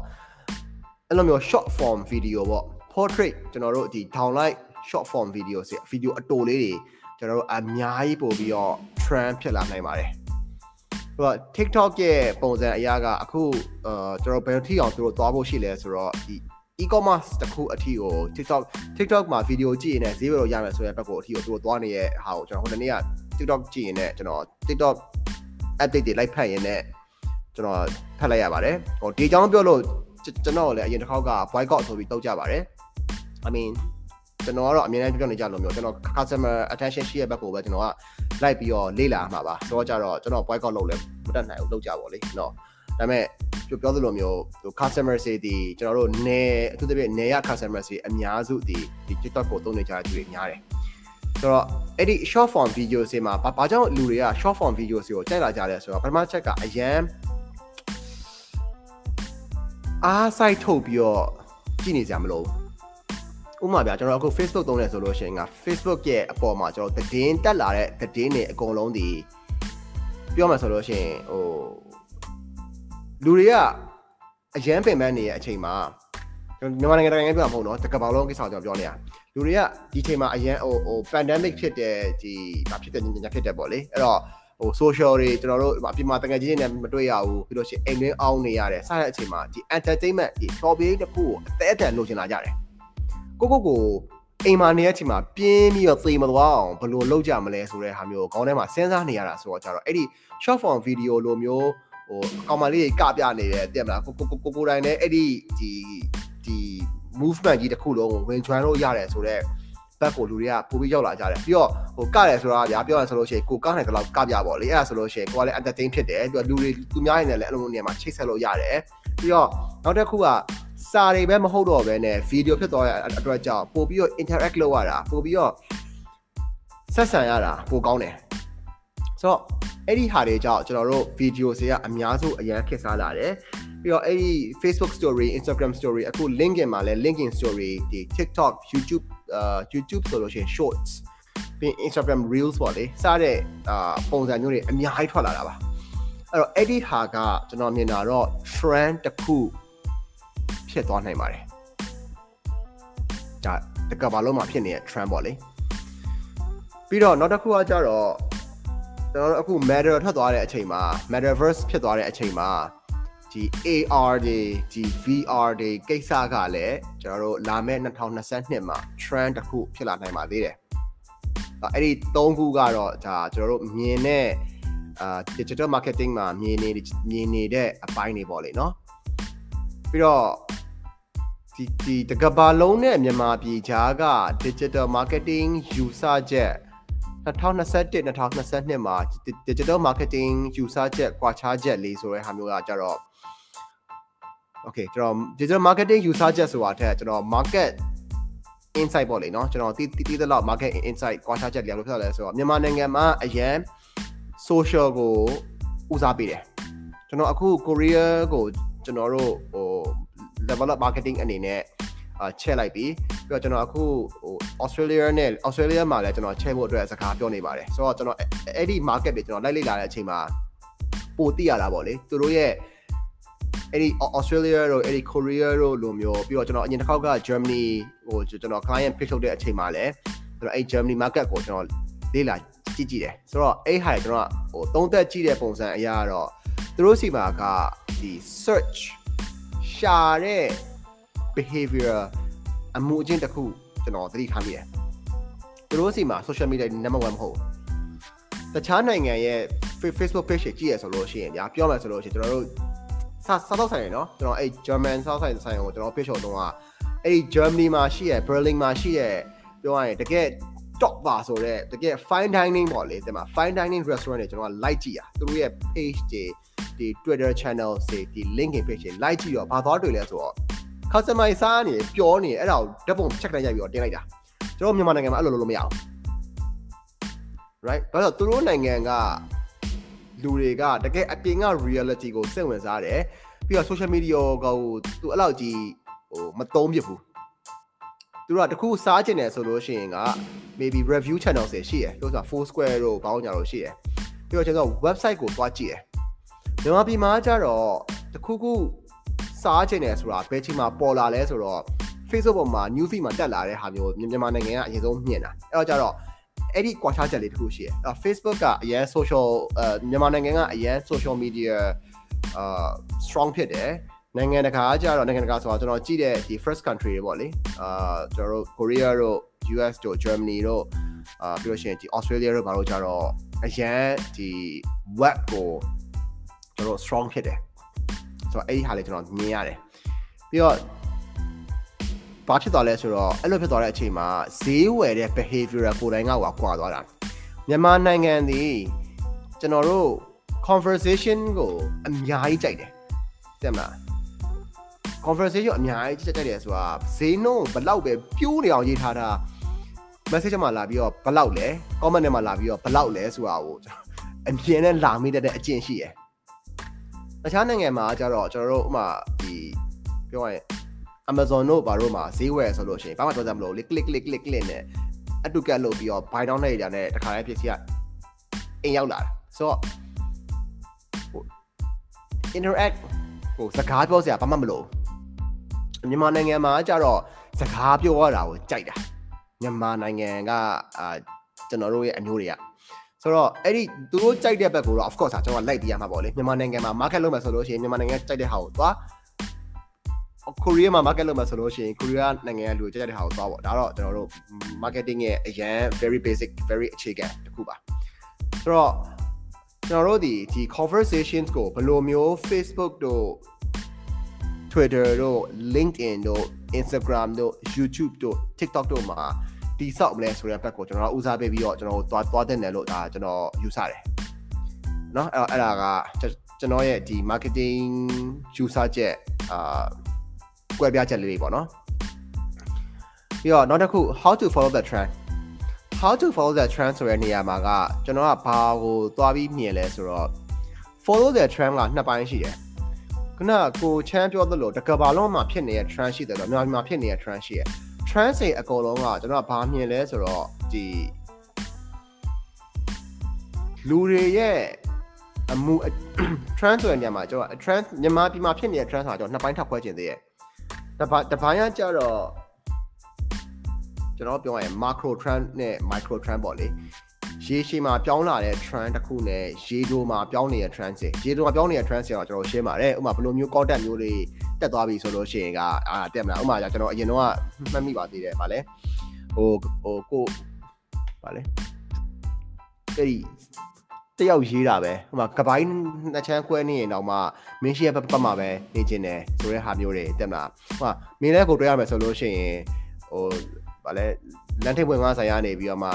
နိဗ္ဗာန်အထိဆိုတာအဲ့လိုမျိုးဟိုဟွာလေးရှိတယ်အာစိတ်ဝင်လူတွေစိတ်ဝင်စားတဲ့ content transit ရှိတယ်ပြီးတော့ကျွန်တော်တို့အရင်တစ်ခေါက်အရင်လကဘာတွေခက်စားတော့လဲဆိုတော့ tarot စေကျွန်တော်ခက်စားတော့တဲ့ဟာလေးရှိရလေ tarot စေခက်စားတယ်ပြီးလို့ရှိရင်အကွက်လေးလေးကွက်ပေါ်ပြီးတော့မှကျွန်တော်တို့လူတွေက live နှိပ်ကြည့်ရဆိုတဲ့ဟာမျိုးလေးကျွန်တော်ခက်စားသွားတဲ့ဟာရှိအဲ့တော့အဲ့ဒါတွေကကျတော့ကျွန်တော်တို့ရဲ့ micro transit ပေါ့နော်ဟိုနေ့စဉ်နဲ့အမျှပြောင်းနေတဲ့ဟာတွေပြီးတော့နောက်တစ်ပိုင်းကကျတော့ကျွန်တော်တို့ရဲ့ macro trends macro trends ဆိုတာကျတော့ဟိုလူတွေရဲ့အမှုအကျင့်ကတဖြည်းဖြည်းတဖြည်းဖြည်းတဖြည်းဖြည်းနဲ့အဲ့ဒီဘက်ကိုရွေ့သွားတာ ဆိုတော့ကျွန်တော်အခုကဘာမြင်လဲဆိုတော့ပထမဆုံးမြင်တာက YouTube ကျွန်တော် YouTube ပေါ်မှာအသေးအတန်လုပ်နေရဆိုတဲ့ဟာလည်းအဲ့ဒီဟာလည်းပါတယ် YouTube မှာ viewership ကအရန်များလာတယ်အဲ့ဒါတခုရှိတယ်ပြီးတော့ LinkedIn မှာလည်း professional တွေများလာတယ်အဲ့ဒါကျွန်တော် not not တစ်ခုပေါ့လေဆိုတော့ကြတော့ အဲ့ဒီ trend တွေကကျွန်တော်ကဘာမှသွားပြီးမြင်ရလဲဆိုတော့အဲ့ဒီ platform တွေကိုဝင်ကြည့်ပါ okay ဟောမြန်မာနိုင်ငံရဲ့ YouTube creator တွေအများစုကကြတော့ဗျာကျွန်တော်တို့နောက်ခံအတန်နောက်ခံစကားပြောနဲ့လုပ်တဲ့ဟာမျိုးတွေရှိကျွန်တော်ကကျွန်တော် content တစ်ခုကိုကြည့်ရဆိုလို့ရှိရင်လေအဲ့ YouTube video ကိုကြည့်ရဆိုလို့ရှိရင်ကျွန်တော်က YouTube video ဆိုတာတဲ့အဲ့အောက်က comment တွေကျွန်တော် like ဖတ်နေတာပိုများတယ် linking ဆိုလို့ရှိရင်လည်းအဲ့လိုပဲကျွန်တော် linking content ကိုဖတ်တယ်ဆိုတာကျွန်တော်အောက်က comment ကျွန်တော်ထိုင်ဖတ်နေများတယ်ပြီးတော့ ဒါကကျွန်တော် live တွေပေါ့လေကျွန်တော်မြန်မာနိုင်ငံနေ local ရှိတဲ့ live တွေဥပမာကျွန်တော်တို့ကင်နေတဲ့ဒီ develop marketing ကနေကင်နေတဲ့ဒီ Facebook အာကျွန်တော်ရဲ့ client တွေရဲ့ competitor တွေရဲ့ live ကိုသူတို့ဘာ promotion တွေပေးနေလဲဘာလဲညာလဲဟိုကြည့်တော့ကြည့်ရပါတော့ဒါပေမဲ့ကျွန်တော်အဲ့ဒါကိုထိုင်ကြည့်နေတယ်ဆိုတော့ကျွန်တော်ဘာဘာတော့ဖတ်လဲဆိုအဲ့အောက်က live အောက်မှာရေးနေတဲ့ comment တွေကျွန်တော် live ဖတ်ကြည့်ရ သူတို့ဘာတွေမေးနေရလဲဘာတွေဝယ်နေရလဲဘာတွေရောင်းနေရလဲဘာတွေအကြောင်းတွေစုံစမ်းနေကြရလဲ right ဘလို့ complaint တွေတက်နေရလဲဘာဖြစ်နေရလဲကျွန်တော်ဟိုတနေ့ကလည်းဟို office diary ကိစ္စတို့ပြီးလို့ရှိရင်ဒီမြန်မာ plaza ကိစ္စတို့ဆိုလို့ရှိရင်လည်း okay ပြဿနာဖြစ်သွားကျွန်တော်သိတယ်ဘာကြောင့်ပြဿနာဖြစ်သွားလဲကျွန်တော်သိတယ်ဒါပေမဲ့ကျွန်တော်အောက်ကလူတွေရဲ့အမြင်ကိုကျွန်တော်က like ပြီးတော့ဖတ်နေကြတဲ့ပုံစံမျိုးကျွန်တော်ပုံများတယ် right အဲ့တော့ how to follow the trend ဆိုတာကကြတော့အဲ့ trend ကို သိအောင်လုပ်ဖို့ ਨੇ အဲ့ trend ရဲ့ကျွန်တော်မြင်တာတော့ဟိုဘာကြောင့်ဖြစ်လာတယ်ဆိုတော့နောက်ွယ်ကအချက်လေးကိုမြင်အောင်ကြည့်ဖို့အတွက်ကိုကျွန်တော်တို့ဒီမှာတော့အကြံပေးခြင်းတယ်ဟိုဖက်နေရင်းနဲ့ခေါင်းထဲမှာပေါ်လာတဲ့အတွေ့အရှိရဗျာပြန်လာအော်โอเคလူတွေကဒီလိုမျိုးလေးဆိုကြိုက်တယ်ဒီလိုမျိုးလေးဆိုမကြိုက်ဘူးကျွန်တော်ကျွန်တော်မြင်တာ officer rate ဆိုလို့ရှိရင်လည်းအာဘာဘာဖြစ်တာလဲဆိုတော့သူတို့ရဲ့ဖြေပုံဖြေနည်းကအဖြေမတက်တဲ့အချိန်မှာ ဟိုပို့ပြီးတော့စိတ်ဆိုးကြတယ်လို့တော့ဒါကျွန်တော်အနေနဲ့အာယူဆတယ်ပေါ့လေ crisis management ကိုဟိုတေချာလေးမထိန်မန်းနဲ့ဟိုဖြေတာဟိုကဟိုအောက်ဆက်ဆက်ဖြေတယ်ဆိုတော့ဘက်ကိုသွားလိုက်တာဆိုတော့ကြတော့လူတွေကအဲ့ချိန်မှာအရန်နေတော်တော်ထွက်သွားပြီးတော့ကျွန်တော်ငိုပြမဲ့ကိစ္စမှာမငိုပြမယ်နဲ့ဟိုဟိုငါမှန်တယ်လို့ချင်တာလို့ဆိုတဲ့ဘက်ကိုသွားရတဲ့အချိန်မှာအာစိတ်ဆိုးကြရလို့ကျွန်တော်မြင်တယ်ပေါ့အဲ့တော့အဲ့ဒီလိုမျိုးလေးကျွန်တော်ကတော့ကြည့်တယ် အဲ့တော့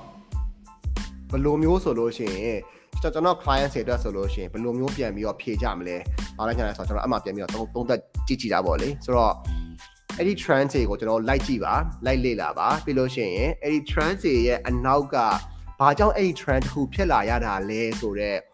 why ကိုလေ့လာနိုင်မယ်ဆိုလို့ရှိရင်တော့ဒီ trend တွေကို follow လုပ်ရတာတော့အများကြီးမခက်ဘူးလို့ကျွန်တော်မြင်ပါတယ် အဲ့တော့ကိုချမ်းမိကုန်းအတွက်ကျေးဇူးအများကြီးတင်တယ်ကျွန်တော်အာ Facebook မှာမေးထားတဲ့မိကုန်းတွေကတော့ပြီးပါပြီဆိုတော့ကျွန်တော်အဲ့ဒါဆိုလို့ရှိရင်အခု Facebook ထဲဆာလို့ရှိရင်ကျွန်တော်ဘယ်ကသွားမလဲဆိုတော့အာကျွန်တော်အခု live မှာမေးနေတဲ့မိကုန်းတွေကိုကျွန်တော်ထည့်ပေးပါမယ်ပထမတစ်ချက်ကိုအောင်ဟိန်းထက်မေးထားတာပါ Facebook ကနေပြီးတော့ volume volume ပဲ live တွေကို casting ပြန်လုပ်ပြီး live လင်းလို့ ရနိုင်တာသိချင်ပါတယ်ကိုတဲ့ Facebook policy မှာဖော်ပြထားတာရှိပါသလားကိုဆိုတော့ကျွန်တော်တို့ပြန် casting ပြန်လုပ်ရင်ရတယ်။ဘာကြောင့်လဲဆိုတော့ပြောရရင်ဒါ Facebook က volume ပဲဆိုတဲ့ဟာကလေဟို gamer gamer တွေဟို cast ဆုပ်တဲ့သူတွေ cast ဆုပ်တာအတူတူပါပဲ။ right ဥမာ Dota ပွဲတွေကိုကျွန်တော် cast ဆုပ်တယ်။အရင်တော့ဆိုလို့ရှိရင်ကျွန်တော်ဒီ Mobile Legend ပွဲတွေကိုကျွန်တော် cast လုပ်တဲ့သူတွေရှိရလေအဲ့တော့အဲ့လိုမျိုး cast လုပ်တယ်လို့မျိုးပဲဒီဘောလုံးပွဲတွေကို cast လုပ်တဲ့ဟာမျိုးဆိုတော့ကျတော့အာ Facebook မှာတော့အဲ့ policy တော့မရှိပါဘူးကျွန်တော်တွားလို့ရပါတယ်အာ yeah ဒါပေမဲ့ဟို content policy မှာမရှိပါဘူးဟိုပါပေါ့လေအရေးကြီးတာတော့သူတို့ရဲ့အတန်ကိုမသုံးဖို့ပါကို့အတန်နဲ့ကိုစကားပြောပေါ့နော်အဲ့ဒါဆိုလို့ရှိရင်တော့အဆင်ပြေပါတယ် အာမင်းအောင်ကိုမင်းအောင်မိထားတာပါ chatbot နဲ့ပတ်သက်ပြီးတော့ yo-yo flow လောက်တာအပြင်တခြားဘာတွေများလုပ်လို့ရနိုင်လဲခင်ဗျာအကိုတဲ့အဲ့ဒီ chatbot နဲ့ပတ်သက်ပြီးတော့ advanced ပိုင်းကိုလေးလာလို့ရနိုင်တဲ့ recommendation recommend ပေးခြင်းတဲ့နေရာလေးဒါမှမဟုတ်သင်တန်းလေးရှိမှာဆိုမြန်မာနိုင်ငံမှာတော့အာ chatbot နဲ့ပတ်သက်ပြီးတော့ training နည်းနည်းလေးရှားမယ်နဲ့တူရယ်ကျွန်တော်မသိဘူးရယ်ကျွန်တော် chatbot ကိုအဲ့လောက်ကြီးမကြိုက်ဘူးဘာလို့လဲဆိုတော့ chatbot ဒီမြန်မာနိုင်ငံကလူတွေကျွန်တော်ခုနပြောတဲ့ဒီ conversations ကိုကြိုက်တဲ့ စကားပြောတာကြိုက်တဲ့ဟာ chatbot ကြီးကိုသူကစကားပြောတယ် chatbot ကစစ်ရုပ်ကိုအဲ့ခါကျတော့ပလက်ပလက်ပလက်ပလက်နဲ့အဲ့ဒါအဆင်မပြေဘူးဆိုတော့ဟို chatbot ကမြန်မာနိုင်ငံ market နဲ့တိတ်ပြီးတော့အစီလမိုင်းမကတ်ဘူးပေါ့လေနော်အဲ့တော့အာဒါပေမဲ့တခုကတော့ဘာလုပ်လို့ရလဲလို့မေးရဆိုလို့ကျွန်တော် chatbot မှာလုပ်လို့ရတဲ့ဟာကအများကြီးပါကျွန်တော်တို့ဈေးအောင်လို့ရတယ် right အဲ့တော့ဟို product တွေကိုကျွန်တော်ပြလို့ရတယ်အာကျွန်တော်တို့အခုလုပ်ပေးနေတဲ့ chatbot service တစ်ခုဆိုလို့ရှိရင်ကျွန်တော်တို့က level up ကလုပ်ပေးနေတဲ့ chatbot service တစ်ခုဆိုလို့ရှိရင်ကျွန်တော်တို့ဒီ e-commerce အသေးစားလေးပေါ့နော်အဲ့လောက်ထိကျွန်တော်ဆွဲပေးပါတယ်အာအဲ့လောက်ထိဆွဲပေးပြီးတော့မှပဲဒါကျွန်တော်လုပ်ပေးတာပေါ့အဲ့တော့သူကတခါတည်း check out ပါလုပ်တော့လို့ရတယ်ကျွန်တော်တို့ e-commerce ကျွန်တော် shop.com လိုမျိုးတေးတေးလေးဖြစ်သွားတယ်ကိုပိုင်လေးပေါ့လေအဲ့ခါကျတော့ ဟိုပို့ပြီးတော့လည်းဒီ customer experience လွယ်သွားတာဆိုတော့အဲ့ဟာလည်းကျွန်တော်တို့လုပ်လို့ဒါပေမဲ့အဲ့ဒါကျတော့ဟိုဟာဘယ်လိုခေါ်မလဲ chatbot အတိုင်းကမရအောင်ဒါကျွန်တော်တို့ partner တယောက်ရဲ့ bot ကိုကျွန်တော်ကယူသုံးလိုက်ပြီးတော့မှသူတို့နဲ့ကျွန်တော်သွားတာအဲ့ဒါကျွန်တော်တို့လုပ်ပြလို့ရတယ်ဘယ်လိုတစ်ခုကကြတော့ဒီ survey တွေပါတယ်ကျွန်တော်တို့တောင်းလို့ရတယ်ဟိုမှာဘယ်ဟာကိုဘယ်လောက်ထိလူတွေက click သွားလဲဆိုတဲ့ဟာမျိုးသိချင်တယ်ဆိုလို့ရှိရင်ကဒီ chatbot ကို survey form တပေါ်မျိုးလုပ်လိုက်တယ်ဆိုလို့ရှိရင်ကျွန်တော်မြင်ရတယ်ပေါ့ဒါတစ်ချက် ပြီးတော့နောက်တစ်ချက်ကကြတော့ဘာလို့ကြည့်ကြလဲဆိုတော့အာကျွန်တော်တို့ FAQ bot ပေါ့လေ FAQ bot ဆိုတာအခုတော်တော်များများလုပ်နေကြ yo-yo bot ပုံစံမျိုးပေါ့လေဒါတော့ဟိုဗာမင်းရင်ဗာဖြေရမယ်ဗာမင်းရင်ဗာဖြေရမယ်ဆိုတဲ့ဟာကျွန်တော်တို့တောင်းလို့ရတယ်နောက်တစ်ခုကကျတော့ဘာလို့ရကြသေးလဲဆိုတော့ကျွန်တော်တို့ဒီ keyword ဆိုကျွန်တော်တို့ခေါ်တာပေါ့ကျွန်တော်တို့စကားလုံးတချို့စကားလုံးတွေပါတယ်ဆိုလို့ရှိရင်ကအဲ့ဒီစကားလုံးကိုယူပြီးတော့အမေးဖြေအာတောင်းလို့ရတဲ့ဟာမျိုးတွေရှိတယ်ဥပမာ ကျွန်တော်တို့ဒီမေးခွန်းကိုကျွန်တော် chatbot ထဲမှာထည့်လိုက်မယ်အဲ့တော့ chatbot လို့သူ keyword ကိုမြင်တယ်ပြီးလို့ရှိရင်ဘာတွေများလုပ်လို့ရနိုင်လဲဆိုတော့ keyword ကိုမြင်တယ်ဆိုလို့ရှိရင်က chatbot နဲ့ဘာတွေလုပ်လို့ရလဲဆိုတော့ keyword နှစ်ခုပေါသွားတယ်ဆိုလို့ရှိရင်ကျွန်တော်ကကြိုပြီးတော့အဲ့အဖြေကိုဖြေပေးထားလို့ပြနိုင်တယ်ဆိုတော့အဲ့ဒီဟာဒီလဲအာကျွန်တော် chatbot ထဲမှာလုပ်လို့ရတယ်ဒါတော့ chatbot ရဲ့ AI ဘာဝိုက်ပေါ့လေ chatbot ရဲ့ AI မှာတော့ပြဿနာတစ်ခုကဘာလဲဆိုတော့မြန်မာနိုင်ငံရဲ့မြန်မာစကားကို chatbot ကမသိဘူးမြန်မာစကားမှာ အခုအခုဟိုစာရေးထားတဲ့ပုံစံမျိုးကြာဒီမှာရိုးရိုးဆိုရဲစကားလုံးက space ပါတယ်ပြီးလို့ရှိရင်လောက်တာအပြင်ပြီးတော့ space ပါတယ်တခြားဘာတွေများလုံးလို့ရနိုင်လဲဗျအကိုဆိုရဲနောက်မှာမှာ space ပါတာဆိုတော့အဲ့ဒီမြန်မာစာကိုတခြားဘာတွေများဆိုပြီးတော့ space လည်းဖြစ်နိုင်တယ်တခြားဘာတွေများလို့ရနိုင်လဲခင်ဗျ space အကိုလည်းဖြစ်နိုင်တယ် right ဆိုတော့အဲ့ keyword တွေကိုကျွန်တော်ကျွန်တော်တို့ကအာ AI ငါအဲ့လောက်ကြီးမတိသေးတာမြန်မာပြည်မှာဟိုမြန်မာစကားကိုအဲ့တော့အဲ့ဒီဟာကိုဟိုလုံးနေတဲ့သူတွေလည်းရှိရလို့ကျွန်တော်ကြားမှုပါတယ်အရင်တော့အဲ့တော့အဲ့ဒီလုံးနေတဲ့ technology တစ်ခုထွက်လာနိုင်တယ်ဆိုလို့ရှိရင်ကတော့ဒီ AI နဲ့ပတ်သက်ပြီးတော့ကျွန်တော်အများကြီးပို့ပြီးတော့အာ strong ဖြစ်လာနိုင်မယ်အဲ့တော့ကိုယ့်ရဲ့ keyword တွေကိုလည်းအများကြီးပို့ပြီးတော့တက်လာနိုင်မယ်လို့ကျွန်တော်ယူဆပါတယ်အဲ့တော့ဒီနေရာမှာ advanced ဘိုင်းကိုဘယ်လိုလေးတော့ရလဲဆိုတော့ကျွန်တော်မြင်တာတော့လေ ဟို many chat မှာသူ့ရဲ့သင်တန်းလေးတွေရှိတယ် many chat m e n y c h a t.com manychat.com မှာတွားပြီးတော့လေ့လာပါသူတို့ကိုယ်တိုင်ကလည်း chatbot platform ဆိုတော့အဲ့ဟာလေးသူတို့လုပ်ပေးပါတယ်เนาะ Okay ကျွန်တော်တို့နောက်ထပ်တစ်ခုသွားကိုနေချိုးဝင်းကြော်မိထားတာ boosting နဲ့ပတ်သက်ပြီးမေးချင်လို့ပါကိုတဲ့ကျွန်တော် ads က restrict ထိသွားတာတဲ့ review တွေဘာတွေလုပ်ကြည့်ပြီးရဲ့အချိန်မှာ ဖုန်းနဲ့ဆိုရင် boost ပြပြီးတော့ laptop နဲ့ဆို unavailable ပြနေတာဘာလို့လဲသိချင်လို့ပါဆိုတော့ကျွန်တော်လည်းအဲ့ဒါပြောတော့မသိဘူးရအဲ့တော့ boost ပြတယ်ဆိုလို့ရှိရင်လည်းနှိပ်ကြည့်လိုက်လေနော်နှိပ်ကြည့်လိုက်လို့ရတယ်ဆိုလို့ရှိရင်လည်းစိတ်ပြေတာပေါ့အာ laptop နဲ့ဆိုလို့ရှိရင် boost unavailable ဖြစ်တယ်ဆိုတဲ့ဟာကကျွန်တော်တို့ Facebook ကနေပြီးတော့တန်းပူစာမဟုတ်ဘဲနဲ့ business manager တွေကနေပြီးတော့မှ ads manager တွေကနေသွားပြီးပူဆုပ်ကြည့်ပါရလားမရလားပေါ့အဲ့ဒါဆိုလို့ရှိရင်ကျွန်တော်ပို့ပြီးတော့အဲမြင်ရနိုင်ပါတယ် ညီမချမ်းမြေငိမ့် hello ပါကျွန်တော် hello ပါဆိုတော့ okay hello ပါ okay ကိုသက်စင်မေးထားတာကို Alex လေးလာနေတဲ့ digital marketing နဲ့ပတ်သက်ပြီးတော့နေတိုင်း up to date တွေလေးလာလို့ရနိုင်တဲ့ website တွေတွေ့ရပေးပါဦးခင်ဗျာကျွန်တော်ကြည့်ရတော့အများကြီးပဲရယ်ကျွန်တော်ကဘယ်ကနေသွားကြည့်လဲဆိုတော့ကျွန်တော်စီမှာ flipbook ရှိရယ်အဲ့အဲမှာကျွန်တော်အဲကျွန်တော်ဖုန်းထဲမှာဒီ flipbook ဆိုတဲ့ထဲမှာကျွန်တော် digital marketing ဆိုပြီးတော့ကျွန်တော်ရှာလာတာ အဲ့တော့အဲ့ဒီ topic ကိုကျွန်တော် follow လုပ်ထားတာဆိုတော့အမှအသက်သက်တွေရတိုင်းကျွန်တော်မြင်ရတယ်ပြီးနောက်တစ်ခုကကျွန်တော်ဘယ်ကကြည့်လဲဆိုတော့ social media examiner ကြည့်တယ်ပြီးရင် social media today ကကြည့်တယ်ပြီးတော့ကျွန်တော်ဘယ်ကကြည့်သေးလဲဆိုတော့ကျွန်တော် Facebook ကနေပြီးတော့မှကျွန်တော် follow လုပ်ထားတဲ့အာနိုင်ငံခြားကဟို Matt Navarra တို့ MATT NAVARRA Matt Navarra ဆိုတဲ့သူတယောက်ရှိတယ်သူ့ကိုကျွန်တော်ကျွန်တော် Facebook တွေမကောက်ဘူးကျွန်တော် Twitter မှာလည်းကျွန်တော် follow လုပ်ထားတယ် LinkedIn မှာလည်းကျွန်တော် follow လုပ်ထားတယ်ပေါ့လေဆိုတော့သူရှိတယ်ပြီးလို့ရှိရင် Mary Smith ဆိုတဲ့အမျိုးသမီးတယောက်ရှိတယ်ပြီးရင် M A R I S M I T H Mary Smith ဆိုတဲ့တယောက်ရှိရယ်ပြီးတော့ John Luma ဆိုတဲ့တယောက်ရှိရယ် J O N L O O M E R John Luma ဆိုတဲ့တယောက်ရှိရယ်သူသူကတော့ဒီဘူစိန်နဲ့ပတ်သက်ပြီးတော့သူ့ရဲ့ဟို tips တွေ tricks တွေသူပြောပြတယ်ပေါ့ ဆိုတော့အဲ့ဒီဟာတွေကနေပြီးတော့ကျွန်တော်လိုက်ကြည့်ပါတယ်ဆိုတော့အဲကျွန်တော်တော့တခုစီကကျွန်တော်မကြည့်ဘူးကျွန်တော်ဘာကြည့်လဲဆိုတော့ကျွန်တော် Google မှာပဲကျွန်တော်ရှာတာအဲ့လိုမျိုးကြီးအများတန်း like ဖတ်နေတဲ့ဟာမျိုးတော့မရှိဘူးရကျွန်တော်သိကျင်တာရှိရဆိုလို့ရှိရင်က Google ကျွန်တော်တက်ကြည့်လိုက်တယ်တက်ကြည့်ပြီးတော့အာကျွန်တော်သိကျင်တဲ့ဟာကိုကျွန်တော်ရိုက်ထည့်လိုက်တယ်ပေါ့လေအဲ့တော့အဲ့အဲ့ထဲမှာမှကျွန်တော် like ဖတ်ကြည့်ကြည့်ပြီးတော့မှကျွန်တော်ကျွန်တော်အများနဲ့တရက်ကိုတနာရီနိုင်ဝက်တနိုင်လောက်ကိုအဲ့ဒီဟို update ဟာတယ်ကျွန်တော်လိုက်ပြီးတော့လေ့လာတယ် messenger မိထားတာကနောက်တစ်ခုအာ Facebook မှာတဲ့ job proposition တင်ရင်ဘာလို့ဖြုတ်ခံရလဲဆိုတော့ကျွန်တော်လည်းမသိဘူးရဲ့ messenger ဟိုကျွန်တော်အဲ့ဘာဘာရှိထားလဲလဲမမသိဘူးဘယ်လိုတင်လဲလဲမသိဘူးဆိုတော့ကြတော့လေဟိုကျွန်တော်အဲ့ဒါကိုမြင်မှပဲကျွန်တော်ပြန်ပြီးဖြေပြီးလို့ကြားနိုင်ပါပါလိမ့်မယ်နောက်မိခွန်းတစ်ခုက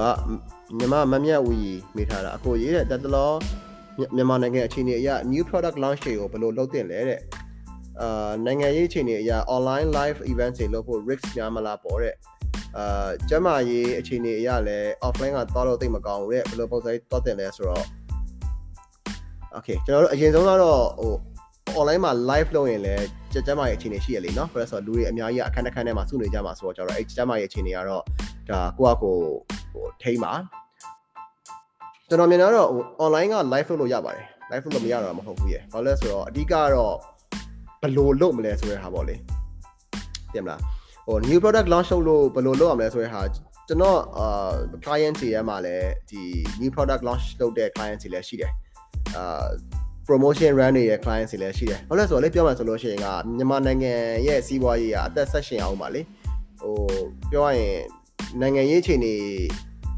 တစ်ခုဖြစ်နေရဆိုတော့ညာလည်းပဲမမှန်းစားအောင်ပါဘူး right ပြီးတော့ဟို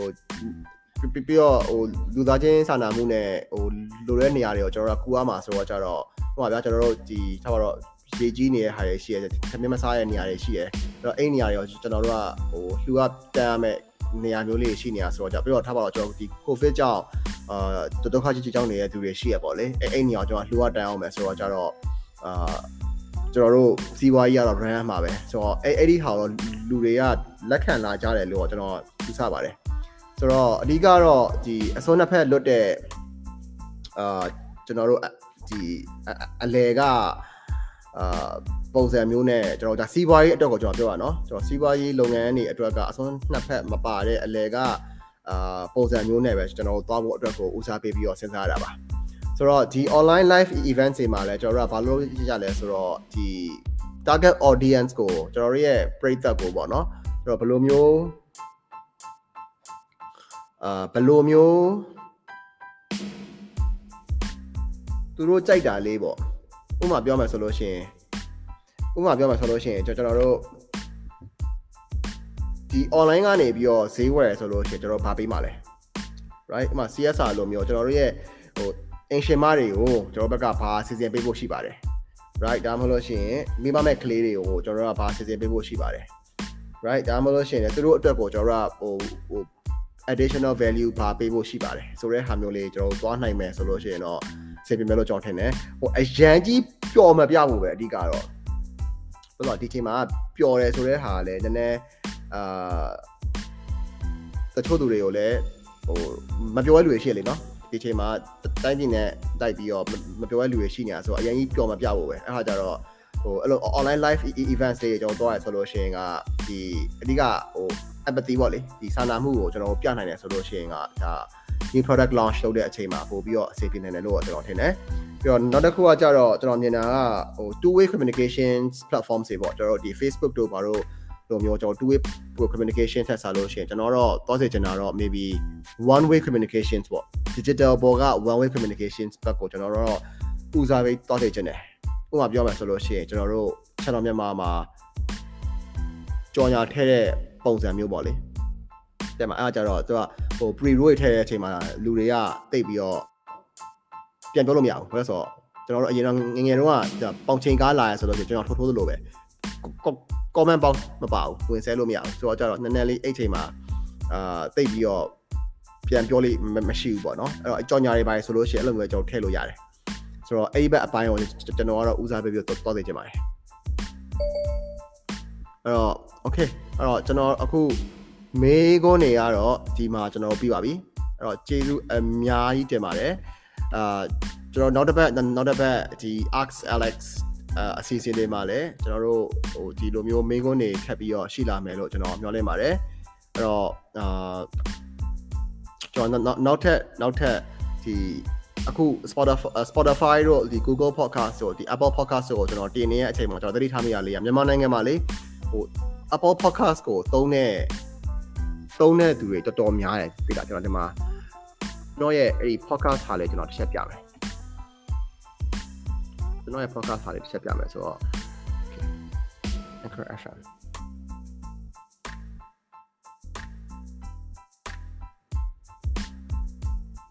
အဲ့တော့ကျွန်တော် podcast ကဘယ်လိုအခြေအနေဖြစ်သွားပြီလဲဆိုတော့ဒီ Arx Alex ကိုအခုကြည့်တာက play က300အဲ355 play ရှိတယ်ပြီးလို့ရှိရင် estimate audience ပေါ့လေအာကျွန်တော်တို့လူ89ယောက်ကနေပြီးတော့355ကကျွန်တော်တို့နားထောင်တယ်ပေါ့ wow okay 89ကနေတုံးကတယောက်ကိုကျွန်တော်ထင်တယ်3ကစီလောက်ကိုနားထောင်ကြလာတော့မသိဘူးအဲ့တော့ ကျေးဇူးပါဟိုကျွန်တော်ရဲ့ podcast ကိုနားထောင်နေတဲ့အာသူတွေအကောင်ကျေးဇူးအများကြီးတင်တယ်အဲ့တော့ဒီမှာ monthly နဲ့ကျွန်တော်ကြည့်ကြည့်လိုက်မယ်အော် okay ဆိုတော့ကျွန်တော် episode episode ဟိုက October 30ရက်နေ့ကတင်ထားတဲ့ episode ကတော့အများဆုံးပဲ119ရှိတယ်ပြီးလို့ရှိရင်ကျွန်တော်တို့ November 9ရက်နေ့က117ရှိတယ်ဆိုတော့မဆိုးဘူးလို့ကျွန်တော်ပြောရမှာမှာပေါ့လေပြီးတော့ဒီမှာကျွန်တော်ပြထားလို့မျိုး listening platform ကကြတော့ Apple Podcast က55ကြိမ်လောက်ကိုကျွန်တော်တို့နားထောင်နေကြတဲ့သူတွေဆိုတော့ဟိုမြန်မာနိုင်ငံရဲ့ podcast ကဒါကျွန်တော်ရဲ့ဒီ data အရဆိုလို့ရှိရင် Apple ပေါ်က listener ပိုများတယ် right အဲ့တော့ good insight ပါ good insight ပါပြီးရင်ကျွန်တော် of course ဒါ Apple ကများတယ်ဆိုတော့ကျွန်တော် iPhone ကများတာပေါ့လေပြီးတော့ကျွန်တော် Android လည်းကျွန်တော်များတယ်အဲ့တော့ဖုန်းတွေကနေပြီးတော့မှဒီ podcast တွေကိုနားထောင်ကြတဲ့သူတွေပို့ပြီးတော့များတာပေါ့ပြီးတော့ကျွန်တော်ရဲ့အာ gender ကကြတော့ကျွန်တော်ဆီကနားထောင်တဲ့သူတွေရဲ့ gender ကကြတော့ main ကလေးတွေပိုများတယ်အဲ main ကလေးရဲ့ကြောက်လေးကဒုလောက်ပဲရှိတယ် non binary ကကျွန်တော်ဘာလဲမသိဘူးဆိုတော့ မပြောပြထားတာမသိဘူးပေါ့လေနော်ပြီးတော့ရှင်အသက်က23 29ကတော့အများဆုံးကျွန်တော် podcast ကိုနားထောင်တယ်ပြီးတော့ရှင်ကျွန်တော်18 22ကနေပြီးတော့လဲကျွန်တော် podcast ကိုနားထောင်ကြရဲဆိုတော့အာကျွန်တော်မှန်းတာနဲ့ဒါတော့ဟို Spotify ရဲ့ data only ပဲကျွန်တော်ထင်တယ်ဟိုရဲ့ Apple data တော့မပေါင်းနဲ့တူတယ် Apple podcast ဝင်ကြည့်လို့ရလားမသိဘူးအဲ့တော့ Apple podcast ကိုဝင်ကြည့်လို့ရမယ်ဆိုလို့ရှိရင်ကြည့်လိုက်မယ် အဲ့တော့ Apple podcast ထဲမှာဘာ data ပြနိုင်လဲပေါ့လေနော်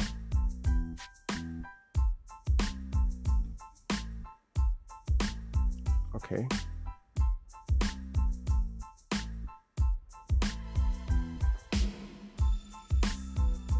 anyways ပါအာကျွန်တော်ဒီဟာကိုတစ်ချက်လေးတုံးတက်ပြီးတော့မှပြန်ပြီးတော့ကျွန်တော်ပြောပြပါမယ်ဆိုတော့ ဒါပါအဲ့တော့ podcast ကိုနားထောင်နေတဲ့သူတွေအကုန်လုံးကိုလည်းကျွန်တော်ကျေးဇူးအများကြီးတင်တယ်အဲ့တော့နောက်ထပ်နောက်ထပ် episode တွေမှာကျွန်တော်မေးကိုမေးဖို့အတွက်ကိုလည်းကျွန်တော်ဒီကနေဖိတ်ခေါ်ပါတယ်အာကျွန်တော် level up ကနေပြီးတော့လည်းဆဆဆဆချင်းအာဒီ episode ရဲ့အစမှာကျွန်တော်ပြောသွားခဲ့သလိုမျိုးကျွန်တော် level up ကနေပြီးတော့လည်းအာကျွန်တော်တို့တည်တဲ့ဟိုကျွန်တော်ကျွန်တော်ရဲ့အုံနောက်တစ်လုံးနဲ့မဟုတ်တော့ဘဲနဲ့အုံနောက်လေးလုံးငါးလုံးရဲ့အတွေးတွေကိုလည်းကျွန်တော်တို့မြင်ရကြားရမှာပါအဲ့တော့ ဟိုသူတို့ပါဝိုင်းဆွေးနေရဆိုလို့ရှိရင်တော့ဒါကျွန်တော်တို့အမြင်နှစ်မျိုးသုံးမျိုးလေးမျိုးရနိုင်တာပေါ့လေအဲအဲ့ဒါမှမှကိုကနေပြီးတော့ပြန်သုံးသက်ပြီးတော့ကျွန်တော်တို့အာလုပ်မယ်ဆိုလို့ရှိရင်တော့ဒါအများကြီးပို့ပြီးတော့အကျိုးရှိမယ်လို့ကျွန်တော်မြင်ပါတယ်ယုံကြည်ပါတယ်ဆိုတော့ကျေးဇူးအများကြီးတင်တယ်အော်နောက်တစ်ပတ်စနေနေ့မှာပြန်ဆောင်တာပေါ့အားလုံးပဲ